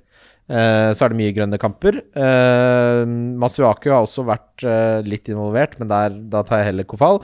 Cresswell har jo litt dødballer, ikke alle. Uh, 5,1 syns jeg er interessant. Det er godt nok. Altså Når du har de dødballene, så syns jeg det er verdt at det koster over fem. Eh, på midtbaneplass har du Bowen, Sosjek og Fornals eh, som har vært involvert. Og så har du jo den, den jeg har mest lyst på der, og det begynner å bli få spissplasser nå, når Antonio er tilbake. Så frister han meg fryktelig. Han koster er 6,2. Han har en eierandel på eh, 2,3, og han er på straffe når Mark Noble ikke spiller, og det gjør ikke Mark Noble lenger. Ja. Nei, jeg er helt enig. Du Jeg, bare, er god på Westham. Der er du på ball. jeg tenkte bare på sånn Cresswell til 5-1, men altså, i år så har man så mye penger at Ja. den derre grensa med 5 føles Føles nesten som en slags sånn eh, 4-5 i år. At sånn, Før så var det Grensa blir flytta, 4-5, 4-5, 4-5, og så to To som var over 4-5. 2-7 men- Ja, men nå er det sånn Nå kan jeg fint sitte med tre spillere som koster fem eh, pluss en tre, eller Trent pluss to til fem, uten at jeg føler noe særlig på det. Nå synes Jeg sånn Jeg syns ikke Cresswell virker så dyr i år. Bare sånn Ja, fem, ja, men det er omtrent der J James uh, ligger. Size kosta fem. Liksom, det er rundt det ja, altså, er du ikke Sikte- enig også. Det er jo litt som hvis du drar på McDonald's eh, Da kjøper du Killman. Killman er McDonald's i dette tilfellet. Ikke sant? Mm. Bra, men billig. Så er det noe annet hvis du drar på um, The Vandalay, da. Ikke sant? Du betaler mer for Cresswell, men jo, du gjør jo det fordi han er på dødballer. Altså dette, Det har jo en sammenheng mellom prisen. Så ja, han er litt dyrere, men eh, det kan forsvares. Og jeg er helt enig med deg også at prismessig nå, så, så har det vært enklere enn det har vært på en stund. Fordi premiumspissene er jo ikke relevante. Ja, og der, der synes jeg dere har noe interessant, og det er liksom kanskje en svakhet hos meg. Jeg blir litt sånn satt i gamle tanker. Sånn, sånn jeg er vant til å spille, er det som setter seg. Så jeg ser at når jeg, når jeg går inn i Westham-laget, og, og jeg finner samme interesse som dere Jeg syns det er interessant det Moyes nå har satt opp. Eh, solid defensivt. Da, da tiltrekkes jeg mye større grad av Kofal. Fordi jeg tenker at han koster 4-5, og der skal jeg legge meg. Value. Så, jo, men så er dere inne på noe her, altså. Fordi det er den verdien nå, som trend, Trent skal jo sannsynligvis bort fra de fleste lag. Vi, det er en del god lavverdi, som i Watkins, Bamford, Grellish spesielt, osv. Det kan godt være helt riktig, det dere sier der. Altså. Og det, det er her jeg kan være litt sånn svak til å liksom, ta de nye trendene. Jeg, jeg beveger meg et 4-5, der skal jeg stoppe. Og derfor har jeg funnet liksom, favorittene i type som Lamptey, Kofal, ikke sant. Altså, de, disse typene går jeg for på benken, eller Target. Og så velger jeg noen få, Cancelo Chilwell osv. Så, videre. så det Jeg syns det er kjempeinteressant. Og jeg så litt på sjansene som er skapt også, de siste rundene. Chilwell er jo klart øverst blant forsvarsspillerne. Eneste som kan være i nærheten av det samme snittet, det er jo selvfølgelig Trent, da, og så er det Cancelo Chilwell og per kamp. Ja, Ja, Riktig. De har færre kamper, og eh, Cresswell er helt der oppe, altså. Så det er, det er en kjempespennende tanke. Jeg liker det. Jeg har lyst på Cresswell eh, og Antonio, kjenner jeg. Men det er litt sånn Man har lyst på mye rart. Eh, så får man se hva man får. Ja, har, du, har du lyst til å utdype? Jeg er interessert Hva andre ting har du lyst på her i livet? Nei, Først og fremst så vil jeg kunne reise til Tenerife og sitte på en balkong og spille Football Manager 21, som har kommet i beta nå i to uker. Med expected goals. Ja, med expected goals, ja. ja, Det ja, ja, ja, helt ja. og var, Og så har de begynt nå Nå har de begynt å få lagoppstillingene sånn som de ser ut på Premier League-sendingen. Det er ikke bare sånn datagreier. Det er sånn Altså, du, er mye mer innlevelse. Og eh, nå er også Sorry, det blir en kort oppsummering av Football 2021 her. Eh, de kan Altså, spillerne i hermetegn kan nå tenke mange flere ting samtidig. Altså den kunstige intelligensen. Så spillet flyter på en helt annen måte. Og dette blir påvirket av ratingsene, så de tar beslutninger hele tiden. Mens det før kunne virke litt sånn skripta, så virker det nå mye mer organisk. Det er den største forandringen på fotballmanager siden siden 14-15, eller når de gikk over til 3D. Det er bare å kjøpe det. koster 299.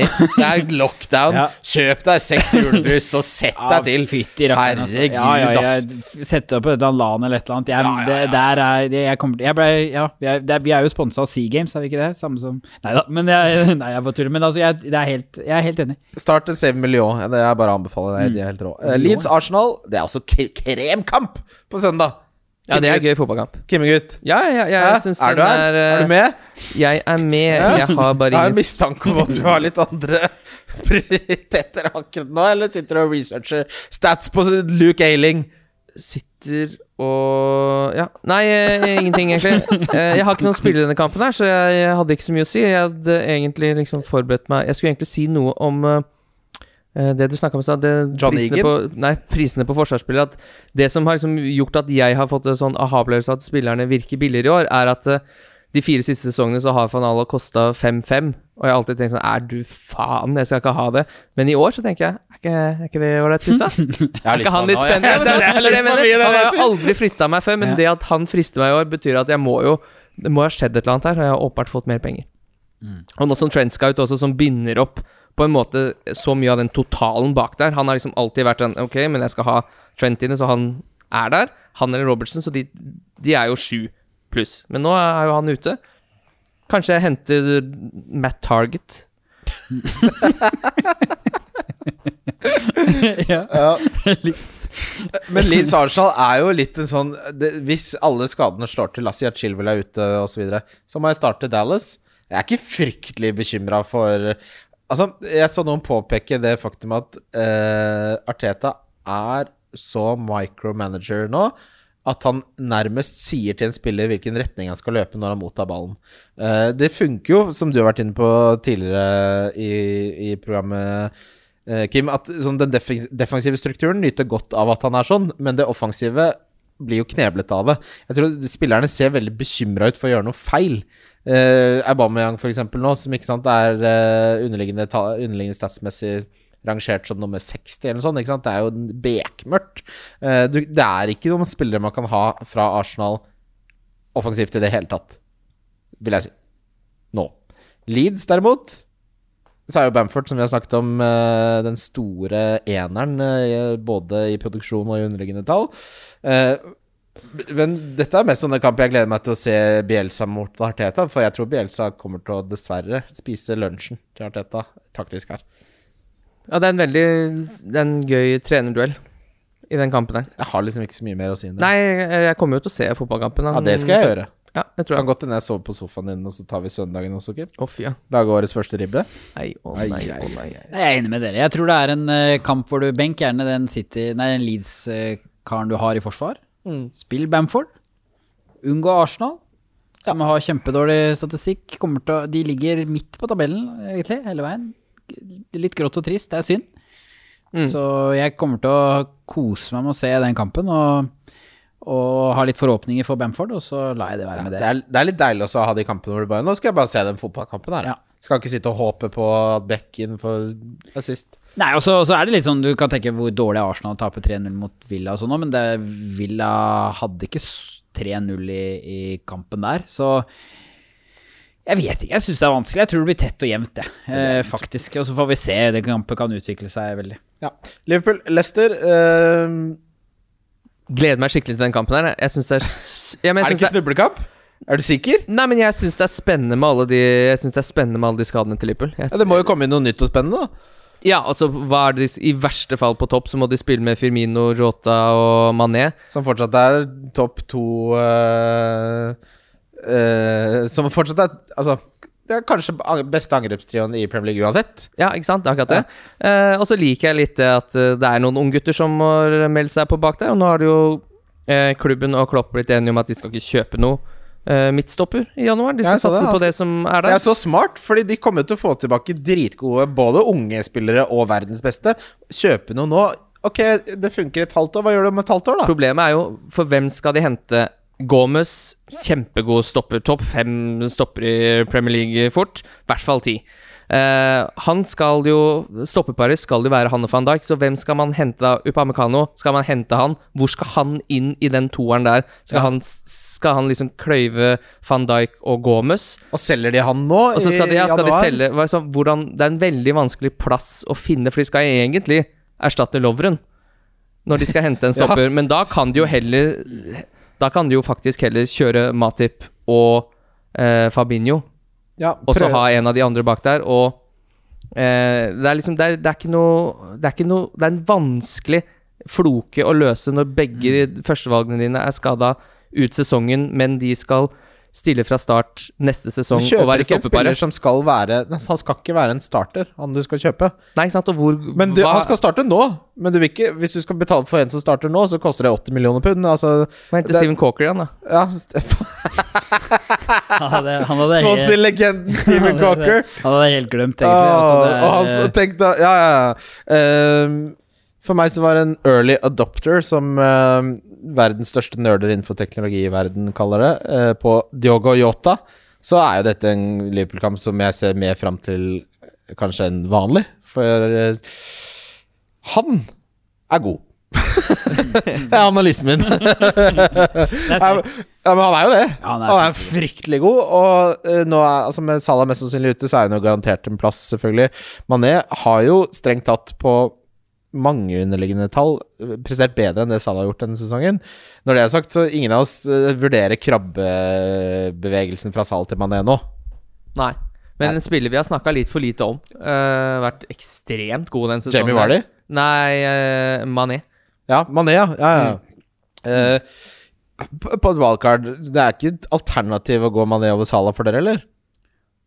Eh, altså, fordi jeg må, ja, For Det må være et alternativ. Ja, for det er det jeg mener. Altså, han har vært så lysende god den sesongen Altså, her. han Mané. er kanskje den beste spilleren i Premier League. Uh, Med unntak av Kevin De Bruyne. Ja, han har vært, han har vært ordentlig, ordentlig, ordentlig god. Tenk hvis han det hadde straffer, da! havna litt i skyggen av at Liverpool har eh, eh, ikke gjort det så bra som eh, mange trodde. Den eh, Aston Villa-kampen har på en måte overskygga mye av prestasjonene til Liverpool.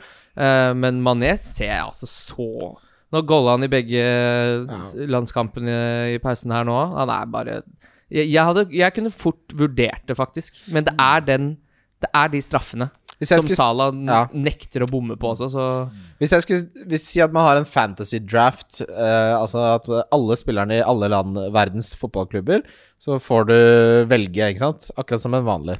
Mm. Hadde, ikke sant? Så har du pick eh, Hvem tar man først? Hvem er den beste fotballspilleren i verden nå? Det, jeg vet ikke om det er Messi, eller jeg følger ikke så mye med på alt det der. Han er 34 år gammel og sutrete, men Han kommer til å koste 15 på fancy hvis han kommer til han kommer til å koste 19. men hadde, er det Det er ikke et opplagt valg med Salah foran Mané. Sånn dritt i fancy. Fotballmessig så er Mané litt bedre, syns jeg. Akkurat nå.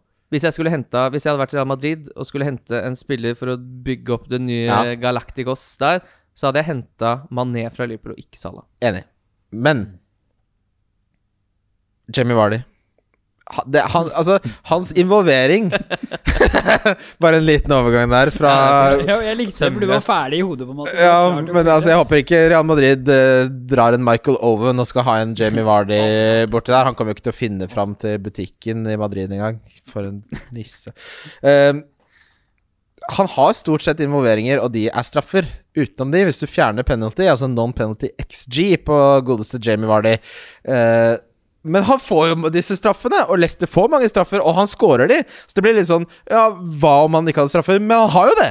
Det er litt det samme med Salah. Både, altså, de straffene er jo der. Og det er ikke som de kom, aldri kommer til å få en straff igjen, og han pleier å sette de, så det er jo en kjempeverdi. Det er derfor vi er jo så glad for eh, eh, Altså, at Watkins eksempel har det, øker verdien enormt.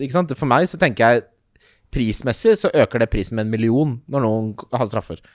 Uh, men Vardi sitt kampprogram er jo godt, men jeg klarer ikke å finne en struktur på Nei. min tropp hvor Vardi får en plass der. Der er du godt inn på noe, syns jeg. Og det er det, så kan du også, hvis du ser at det er flere gode billigere spillere som også har straffer, da. Ja. Hvis du tar f.eks. Watkins, har straffer. Han har også Jeg vet ikke hvor mye dårligere Villa egentlig er enn Leicester.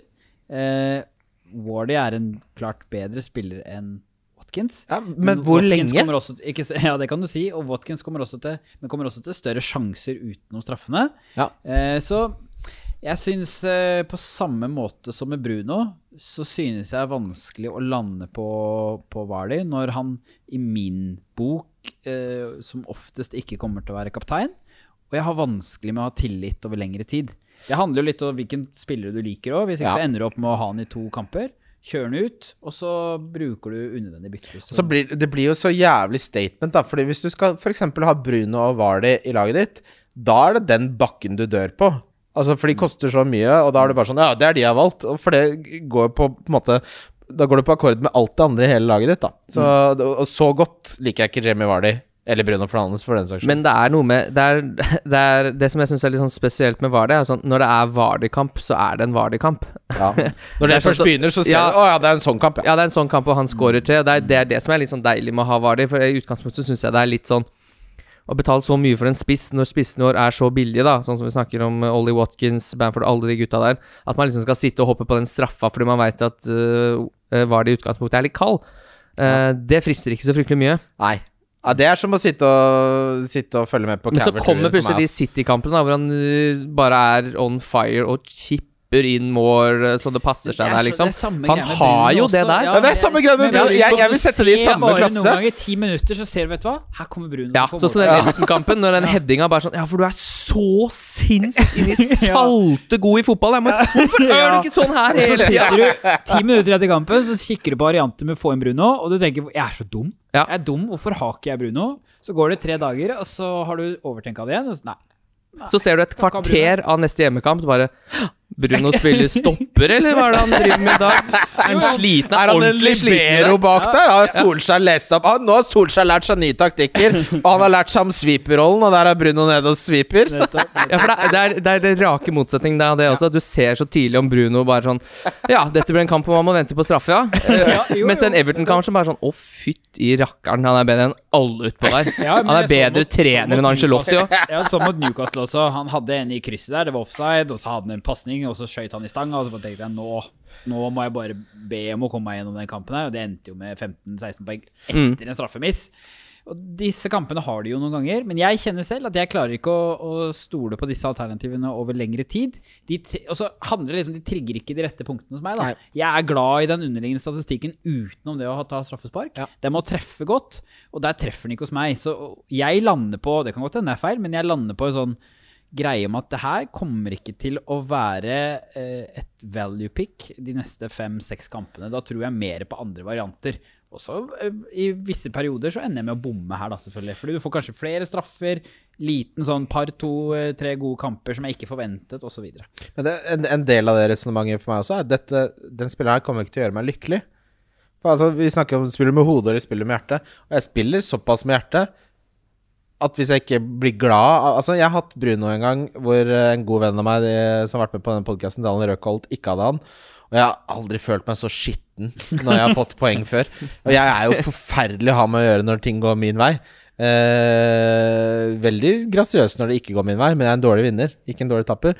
Eh, og det, jeg husker jeg satt der og brølte og bar meg. Da hadde hjulpet meg med å flytte i femte etasje uten heis i fem timer, så jeg hadde berettiget. Men allikevel, de poengene er det minst fortjente poengene jeg har følt at jeg har hatt noensinne i hele mitt liv. Og da ble det sånn da, jeg, de var de, jeg har ikke hatt var de på ett år, tror jeg. Jeg tror ikke jeg skal bryte den tradisjonen, jeg. Nei, og det, det tror jeg noe man kan kjenne litt på når man henter spillere nå. Hent, samme som med Ings og Jimenez. Jeg Ja. ser mange henter de. så kaster de de ut like fort også, fordi de egentlig ikke har den De kjempetroen på dem. Det er- Nei, det er akkurat som noen Du henter de fordi de scora nettopp, og du ser at dette er en kjempegod spiller. Men dette her er damer som har vært i langvarige forhold, og så kommer de ut av dette. Fire-fem år. Ikke sant? Langvarige forhold, forhold i dette, denne situasjonen er jo Danny Ings.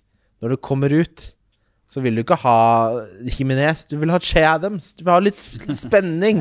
Du vil leve litt. Men eh, det har vi jo snakka litt om før også, at når du skal hente Jimenez og Ings, så må du hente de for ti gameweeks. Ja. For det er sånn de, sa, er sånn de sanker poeng. De er ikke en eh, De er ikke nødvendigvis de, så, de skal ikke på rundens lag i ti runder, men jevnt over så får de med seg poeng her og der. Sånn, jeg vet ikke om det skal være sånn tips, men det kan være en sånn tanke å ta med deg den. Altså, ser du for deg at du kan trives med den spilleren her etter to blanks? Ja. Det er nesten litt sånn. Det høres ut som vi snakker om å kjøpe en bil. Jo, jo, men jeg tenker ofte jeg, Hva skal til for å putte, meg, putte deg i den bilen? Så gjør jeg det. Så, så, så ser jeg, kan jeg Hvis han blanker to ganger, kommer jeg til å ha Ja. ja sånn som for eksempel for meg, da, så er det sånn som Bamford. Ja. Han knuser de underliggende statistikkene. Ja. Han spiller et lag som har kjempegode underliggende statistikker. Leeds er et tøft lag. Selv etter to blanks så kommer jeg til å tenke at her går Leeds og Bamford inn i en kamp som de kommer til å bare gå all out på. Jeg kommer til å kunne klare å sitte med han i seks, sju, åtte runder.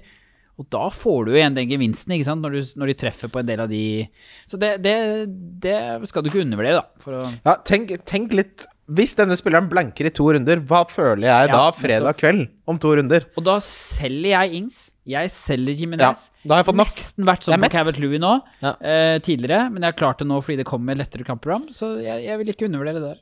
Um, Burnley, Crystal Palace, de mandagskampene Altså, det skal sies at ni-kampen gleder jeg meg til, Wol Wolverhampton Southampton, men Burnley, Crystal Palace, det eneste jeg gleder meg til å se der, vet du hva det er? Patrick van Holt. Han liker jeg å se spille fotball, han syns jeg er dritfett.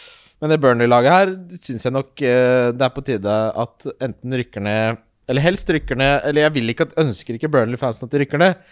Men sånn som det er nå, så er de på en måte kommet til et sted hvor det ikke er bærekraftig. da De har ikke nok spillere. Daish på, øh, går i clinch med, med eierne osv.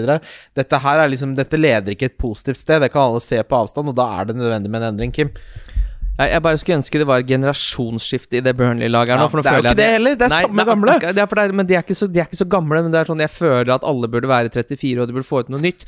For det kommer liksom bare Henter de én spiller i året, Burnley? Det kommer Mm. liksom aldri inn noe nytt og friskt eller noe. Det er bare sånn Ja, dette er jo de samme spillerne jeg har hatt å velge mellom de fire siste sesongene, det her, fra Burnley. Tenk å spille, noen av de. de spiller fotballmanager på det kjedeligste mulige måten. De kjøper aldri noe nytt. De bare sitter og Ja. trykker space, de. Ja, vi kjører på! Samme, samme gutta! Så de et gikk glipp av Jack Stephens.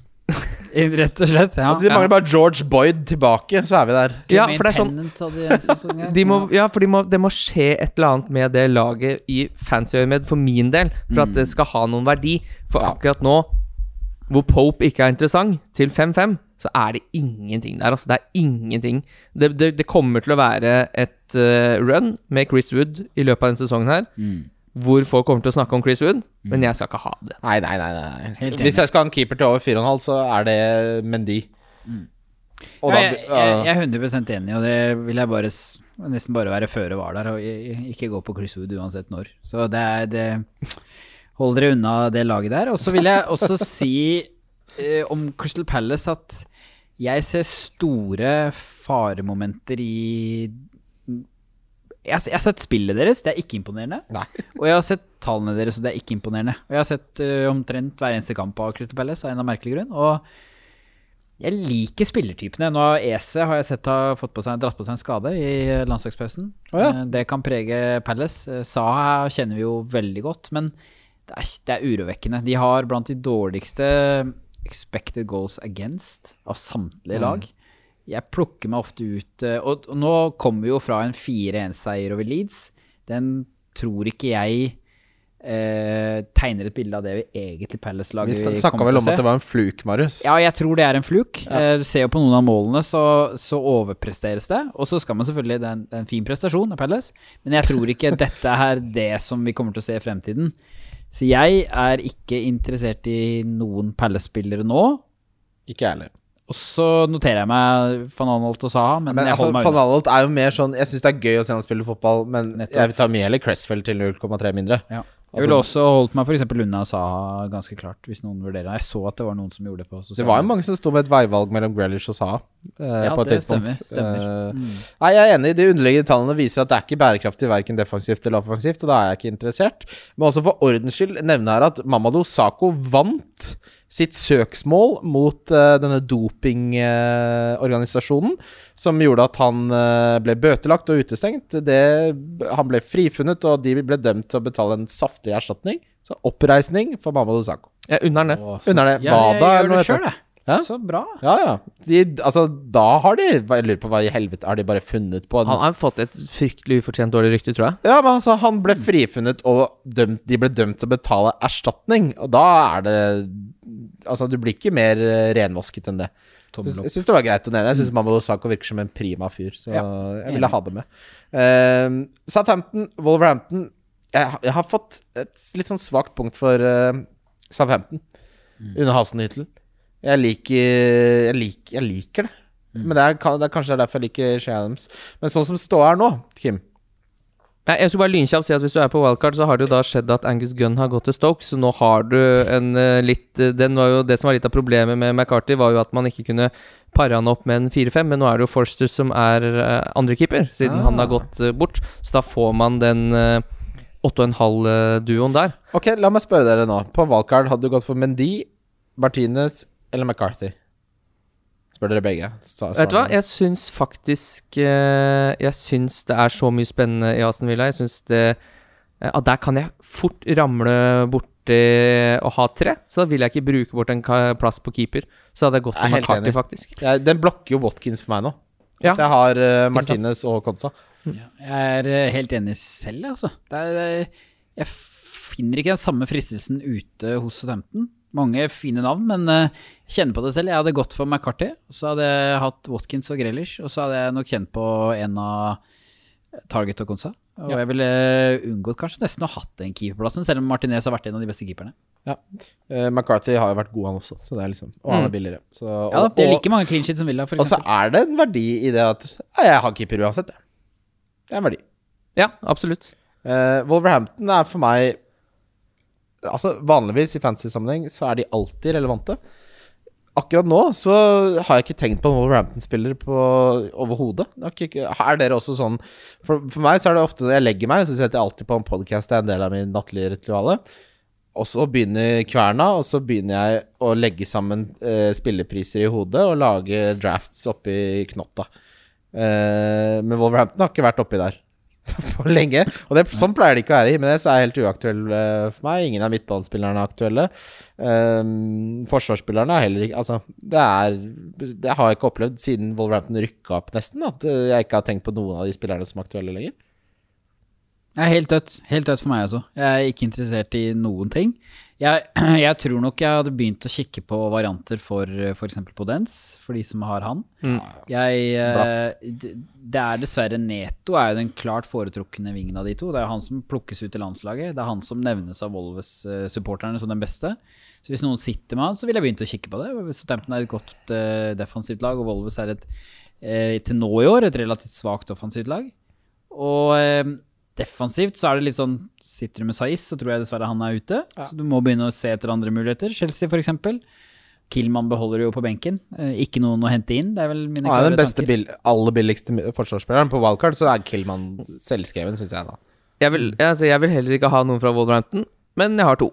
Hvem har på du- dens og har? Det er jo Podens og Size, jeg. Gutta som uh, den, de- jeg de- så er helt, de helt gleder du deg til å få Jeg, ut. eh, jeg gleder meg til å få ut på den, men han, så lenge han starter, så har jeg ikke noe problem med Nei, at det, han det er eh, så mye annet som skjer, er- på en måte. Så det er jo litt uh, kjipt at han går av etter 59 minutter i forrige match, selvsagt. Det Mm.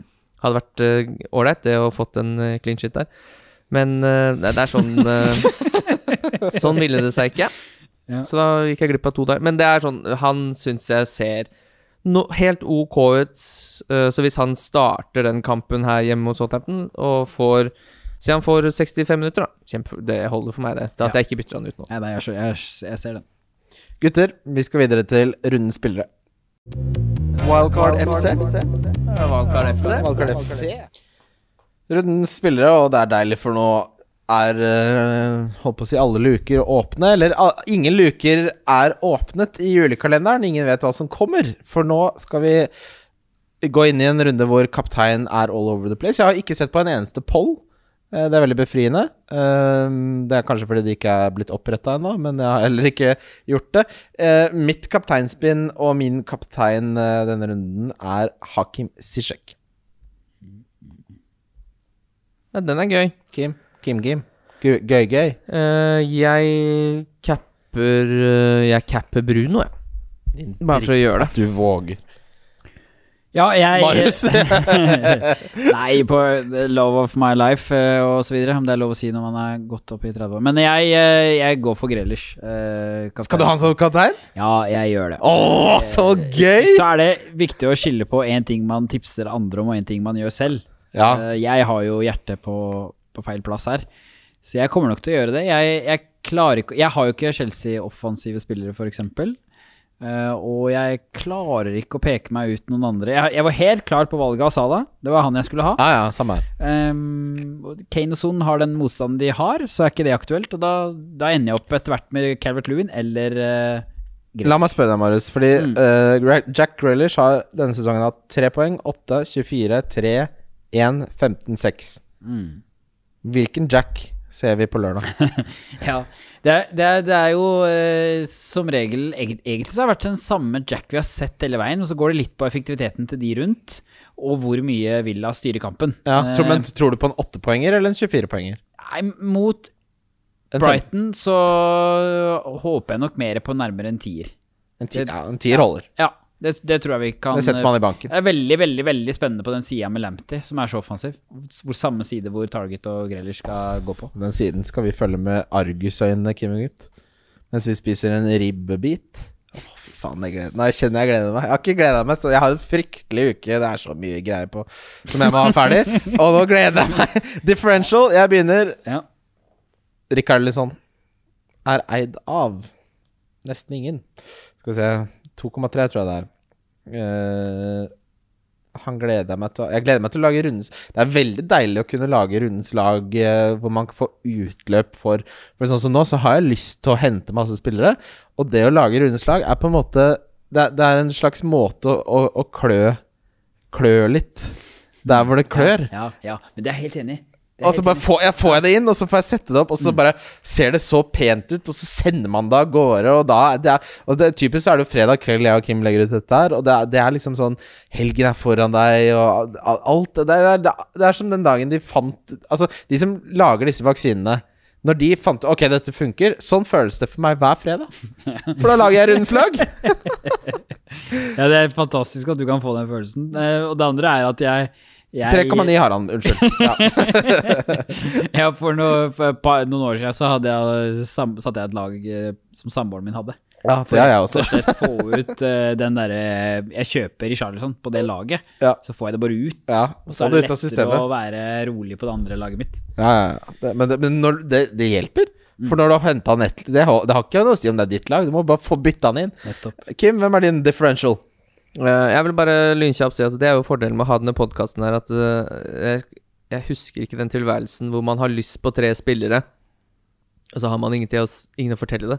Er sånn at, Jo, nei, da, da tenker man sånn Å, jeg skulle hatt han, jeg skulle hatt han. Men her kan jeg bare si Vet du hva, jeg hadde henta Che Adams i den runden her, og så bare Å, da slipper jeg å gjøre det. For da har jeg allerede Ja, sagt. nettopp, Da har jeg Får du det ut? Får det ut. Uh, min uh, diff er Watkins. Ollie Watkins Oh. eierandel på 7-2 høres høyt ut. Men eh, det er ikke så mange spisser som er foran han. av- 7-2 er lavt, altså! Oi, Mm. det er Hæ? altså. Hæ? Det er lavere enn jeg hadde trodd. Ja, det er det. Oi, salte. Salte gutt. Kanskje jeg skal ta en minus fire, få inn eh, Watkins for Brewster der. det, og det hadde jeg hatt råd til, jeg også, hvis ikke Nei, det har jeg ikke. Uh, Marius.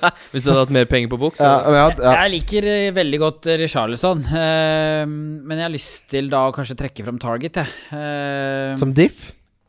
Som diff nå, ja. Rett og slett ikke la, Ja, da, da blir det Richarlison. Hvis du differ på, på, Nei, på target, da begynner, Nei, du å- da begynner du å bli konservativ i topplokket. Drive og diffe på backer til fire, fire og en halv fra Southampton. Ja, nei. Nei, jeg differ på kjempediff. Differ på Konsa. Nei, da må det bli Richarlison. Jeg er enig. Jeg er enig. Uh, Billigspiller, der kan du gjerne få lov til å si target, Ja, men uh, da sier jeg target. der. ja, det er greit. Vær så god, neste. Kimmegutt. Jeg har uh, Matt Target. jeg. har henta han, jeg. For jeg, jeg, Hæ? jeg, har Har dere snakka sammen før Nei, men jeg henta, jeg vet dere at jeg jeg hater. Jeg henta Matt Target den dagen uh, Trent ble skada, for da orka jeg ikke mer. Nei. Jeg Så har det er, eh, det er Hvordan, hvordan er resten av laget nå? Er det liksom Ser ikke ut. Nei. Hvilke kan- andre spillere har du som er skada? Har du spilt wildcardet ditt, Kim? Ja, det har du spilt i Jeg, har. Salah som er skada, så har jeg Brewster som er flagga gult, Ja, men han ikke- starter Det er ikke full krisebakke? Nei, nei, nei, 72 nei. 72 poeng. Altså, jeg har, jeg har uh, Lamptey, James, Justin uh, og uh, Target. Ja, nettopp. Så kjapt, Hva tenker du om de 72 poengene som skiller dere? Det, det syns jeg ikke Det tenker jeg ikke noe på. Nei, men det er ikke Preger deg ikke?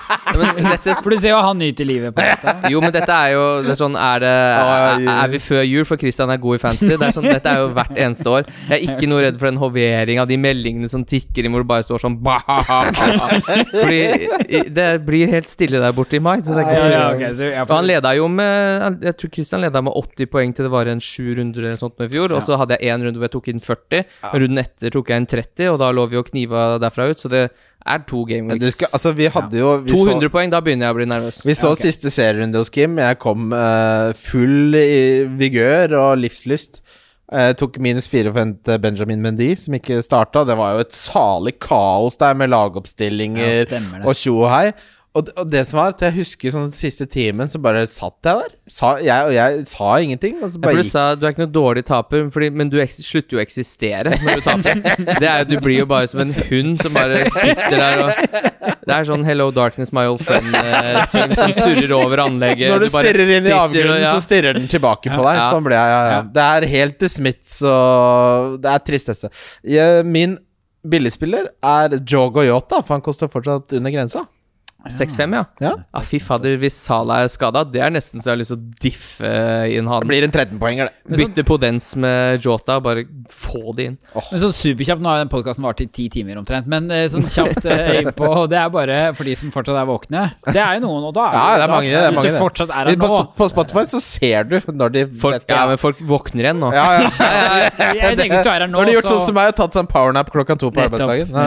Og da, da er du interessert i å ta eh, ti sekunder om Yota. Og det er jo sånn hva, te, hva er liksom Du er jo Liverpool-gutt, er du ikke det? Jo. Og, Jo, det er han. og, man tenker sånn Yota er fin nå. Salah er ute. Salah skal jo tilbake igjen. Eh, Yota på tre, fire, fem, seks kampers eh, perspektivet. Eh, det snakkes mye om det. Jeg tror jo han er inne i laget. Er det Det det, er det, det du også tror, Kim? da? Ja, jeg tror det. Jeg Ja. tror faktisk det, altså. Og den der eh, nye formasjonen der nå hvor eh, en slags sånn 4-2-4. Ja, ja offensivt av en 4-4-2, hvor han uh, får plass til alle. Jeg tror han har uh, innsett at han kan gjøre alle til laks i det laget her. Altså, Klopp bare Nei, vi prøvde det, for vi har spillere som er gode nok til å gjøre det. Han bare Det er ikke siste gangen vi kommer til å gjøre det, for det funka kjempebra. Og jeg tror Klopp også var Jeg, synes, jeg tror kanskje Klopp syns det er litt deilig at uh, den offensive delen av laget ikke er så jævlig satt, da.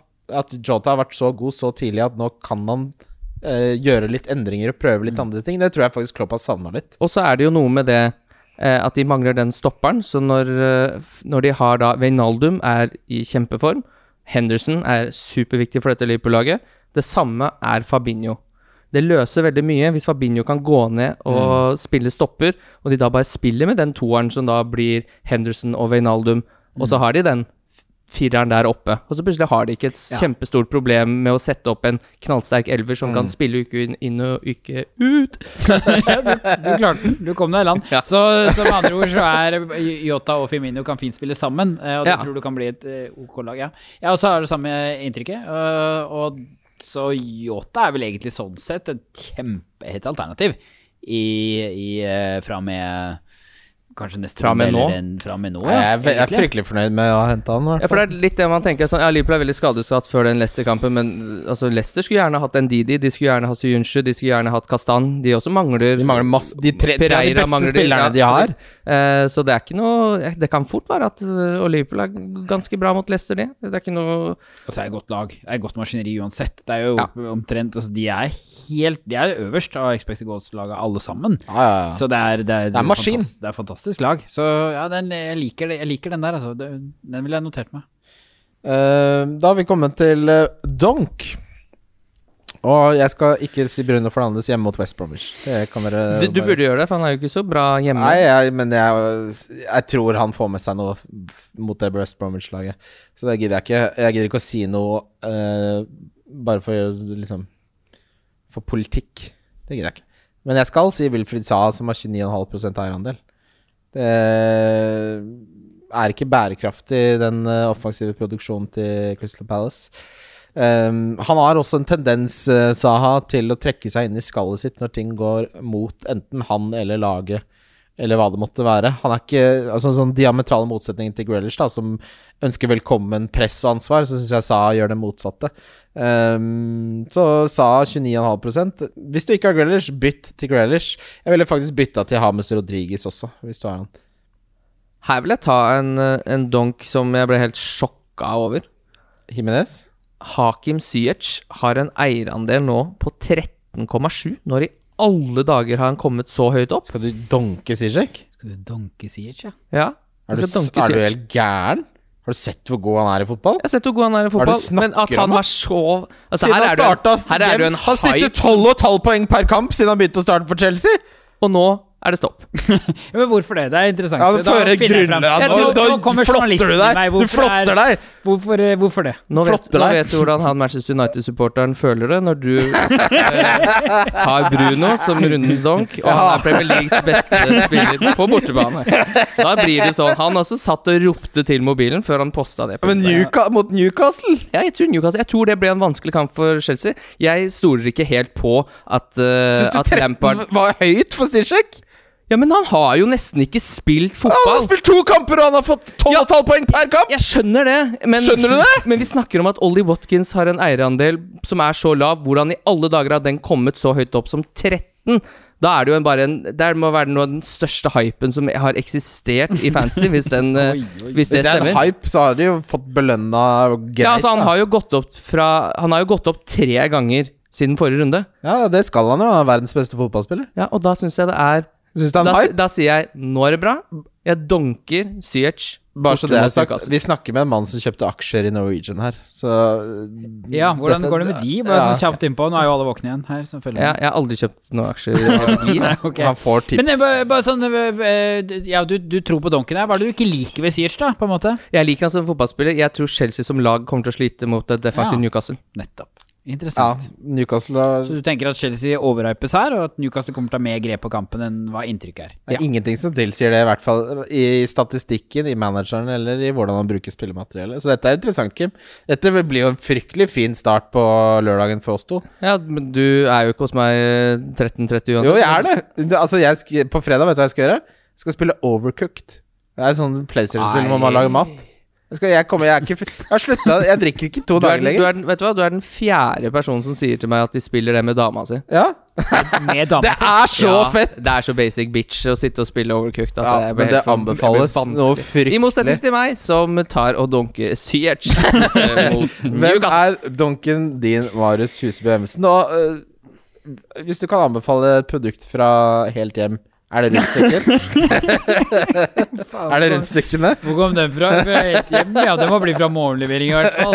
Eh, og som er et selskap inni dette her. Nei, det må bli sånn Jo, det må bli sånn eh, amerikansk pannekakeblanding. Oh, den er da. nydelig. Oh. Ja, du kan lagre den Hva har du på den? Syrup? Ja, riktig. Det finnes en sånn uh, sirup med, nesten med litt ekstra sukker, tror jeg. Å, oh, som er da. nydelig.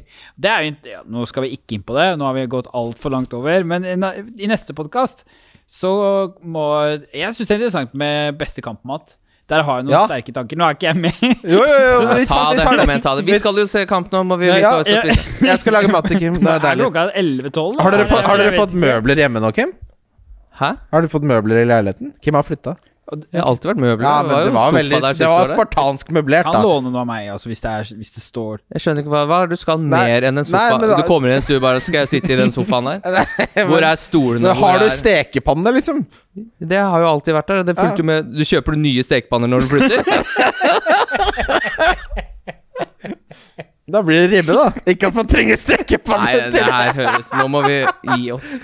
Ja, Få høre kampmat, Marius. Jo, jo, nei, det som jeg syns er eh, vel, Jeg tenkte Det, det syns jeg var et fryktelig godt spørsmål. Ja. Fordi jeg har et sånn dilemma som jeg syns er interessant der. Det er at når jeg eh, ser på fotball, så vil ikke jeg spise mat som tar mye av oppmerksomheten min til maten.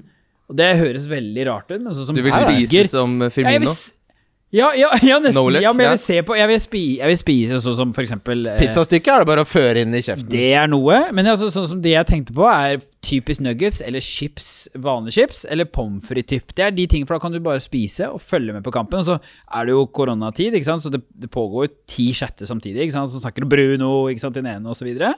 Så jeg trenger å ha med den, og så spiser jeg chips, nyter noe godt å drikke. Hva slags chips?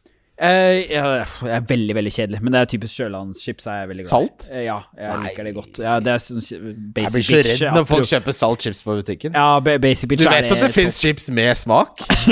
ja, så jeg prøver sånn dobbel uh, Ikke dobbeldyppa, det men sånn dobbelkrydra og det greiene der. Det funker ikke for meg, men i hvert fall Det er liksom det jeg ender opp med. Men maten til kampen Kom igjen nå, gutta. Nå, hva, hva tenker dere der? Mat i kampen er en uh, frossenpizza servert på esken den kom i. For det må ikke være så fjong hele tiden. Nei. Jeg står ikke og lager andekonfitt til 13.30-kampen på lørdag. Hva er det du skal lage når du kommer, da? Nå, nå skal jeg lage ribbe. Nei, du får ikke lov å lage ribbe. Nei, men jeg kan ikke ha deg klorene på døra klokka åtte før du skal begynne med ribbe. Nei, men jeg kan lage den kortversjonen av den oppskriften. Vi kjører ribbe, Kim. Det har kommet Nei. ribbe. Jeg orker ikke spise ribbe til fotball. Gjør du ikke det? Nei. Og Jeg tror ikke det. Jeg tror det blir pepperoni grandiosa som vanlig. Det er så mye salt inn. Er det blitt så mye salt? Ja, jeg, jeg, eldre jeg blir, Så, man har liksom ikke noen tan klare tanker om jo, det er, altså, det, er Ja. det. Altså, Vi det kjøper Grandiosa pepperoni. Ja, som er regel Ja. er jeg fyllesyk fra fredag. Det er bare Det, det skjer. Ja, Eh, livet, og da er det en liter sjokolademelk, og så har jeg kjøpt inn Er det- pepperoni ja, men nå blir jeg sånn 17-åring, blir vi ikke det? men Det har jeg ikke noe problemer med. Nei, okay. greit, Akkurat greit. til eh, Hvilken akkurat sjokolademelk er det? Kumelk? Eller er det den brune firkanta? Kumelk sin sjokolademelk. Så vi snakker liksom kumelk og Grandis, på en måte? Ja. Men ellers så er det sånn Hvis jeg virkelig skal sånn Nå skal jeg kose meg, da er det Foodora. Jeg Du, lager hei, ikke mat. Hør, da! Vet du hva vi gjør, Kim? Dette er jo kjempeenkelt. Jeg lager biff med bearnés. Så enkelt er det. Ja, gjør det. Ja, det gjør vi. Ja. Fin. Nei, men Fin konklusjon. Det er en fin Nei, diskusjon også. For, for det går jo an å Du klarer å spise Men biff, er det noe å spise mens du får Bruno i chatten og Ja, det er jo bare å skjære en bete. Altså. jeg må ha, da må det nok bli pizza. Det var det jeg landa på sjøl. For det er enkelt å Det er jo perfekt. Det, beste, det beste er faktisk å bestille eh, en Finne Når du går på Foodora eller eh, hva nå enn, så- bestiller du deg til tidligkampen en kjempestor pizza Men som du spiser er jo spiser gjennom hele ja, Men. Kim, det, Foodora-syklistene det er trikset. Men det, dette her nå, De Foodora-syklistene har jo ikke plass til stor nok pizza i den der eh, firkantbagen. Det er jo porsjonspizza alt sammen! Nei, du får stor jo. pizza der, altså. Nei, nei, nei, nei, nei. Men bestill Hvis du går på Volt, hvis du bor i Oslo, så bestiller Gud, du fra du stykke ha- pizza. Det er mye bedre. Stykke pizza er bra, Ja. men det, er ikke, det, det følger ikke rådet som er å spise pizza utover hele kvelden. Jo, jo, men den er jo enorm. Det er jo fire esker med to enorme sånne Brooklyn-stykker i hver. Ja, men det er ikke nok pizza. Å ja, det er jo mer pizza enn du får på Foodora. Nei. Nei, da, jeg er spent. Da kan du stå for pizzabestilling. For vi skal, det, det beste er jo Og det er sånn den ene tingen man unner seg nå i korona. Eh, Fy faen som jeg bestiller mat. Jeg har begynt å tipse, for jeg får så dårlig samvittighet.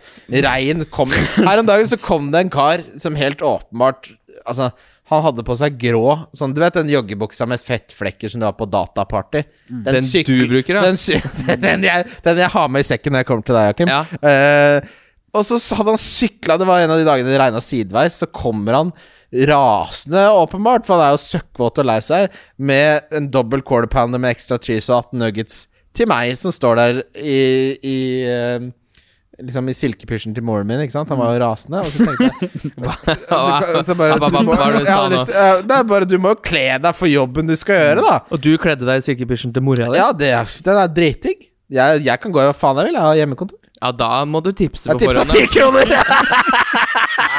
Gjorde du? Nei, men tips er tips!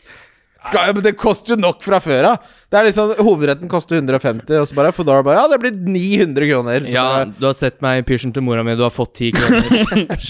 Hold munn. Kom deg vekk. Ja. Eh, Hva ble Donkey, da? Marius? Uh, jeg sa kanskje aldri det. Nei? Nei, uh, nei, jeg tenkte på et par varianter der, egentlig. Uh, Siege. Nei, ikke Siege på noen som helst måte. Men jeg liker tankene dine. Men jeg, jeg, jeg går med på den jeg, gjengen der, altså med, med både Son, Kane og Vardy. Jeg, jeg har ikke troen på noe av det. Jeg kan godt si Son, som flere tror på med okay. bakrom mot City, f.eks. Jeg, jeg, jeg tror ingenting på det. Jeg kan ha de der, se på det som en lykkens dag hvis jeg får noe som helst return, fordi jeg har andre ting som haster mer. Men jeg, jeg, jeg har ingen tro. Oppfølgingsspørsmål. Burde jeg, som på krona har råd til å gjøre sånn til Kevin, gjøre det nå? Nei, jeg hadde venta. Jeg hadde venta halvt det byttet også, uansett. Har du Spar- to bytter? Nei, jeg har et. Nei, jeg jeg, ville holdt, holdt eh, Hold bytte, spar to bytter til neste runde. La det være som det er en fryktelig fordel når folk sliter med å mønstre fullt lag og kunne spare bytte. Wow, wow, wow. Ja. Jo, men jeg, jeg ser egentlig styrkeforholdet nå Son Kane som Nei, Son eh, KDB som relativt uh, jevnt. I denne Det- kampen, da? ja det ikke framover. nei, ikke framover. Men i akkurat denne kampen så gjør jeg det. Litt med den formsvingen de to har også, som kanskje møter hverandre nå. Så nei, jeg hadde, jeg hadde holdt det nå, altså, for det, det jeg kan. Men jeg har lyst til å dunke Son, som jeg ser flere fortsatt har troa på pga. form og bakrom, f.eks. Og det, den ser ikke jeg. Jeg tror de overvurderer litt hvor mye baktrom han skal drive og få mot det City-forsvaret. Ok, gutter. Eh, veldig deilig å være tilbake. Det er deilig å prate litt. eh, prate litt. Ja. Deilig å treffe folk under korona. Minner om triplene våre. Jeg har da truffet på tre av åtte, som dere som er gode i hoderegning. Kim? 37,5 er det. Hm? Det er 37,5 Er det det? Ja, ja, du får mange ganger pengene dine. Det er bare å gå inn og sette, sette en hundrelapp. Gjør det. Sender du meg bilde at du har satt en lapp på trippelen min, så sender jeg deg penger til en cheeseburger. Og det gjør du til alle som gjør det? Ja. Oi, dette blir dyrt. Den er god. Ja. Da hørte dere det. Det er en Ja. kampanje er- fra Bobo. Takk for at du var med, Marius. Jo, bare hyggelig. Og vi snakkes. Vi snakkes. Wildcard FC. Wildcard FC Wildcard FC. Wildcard FC.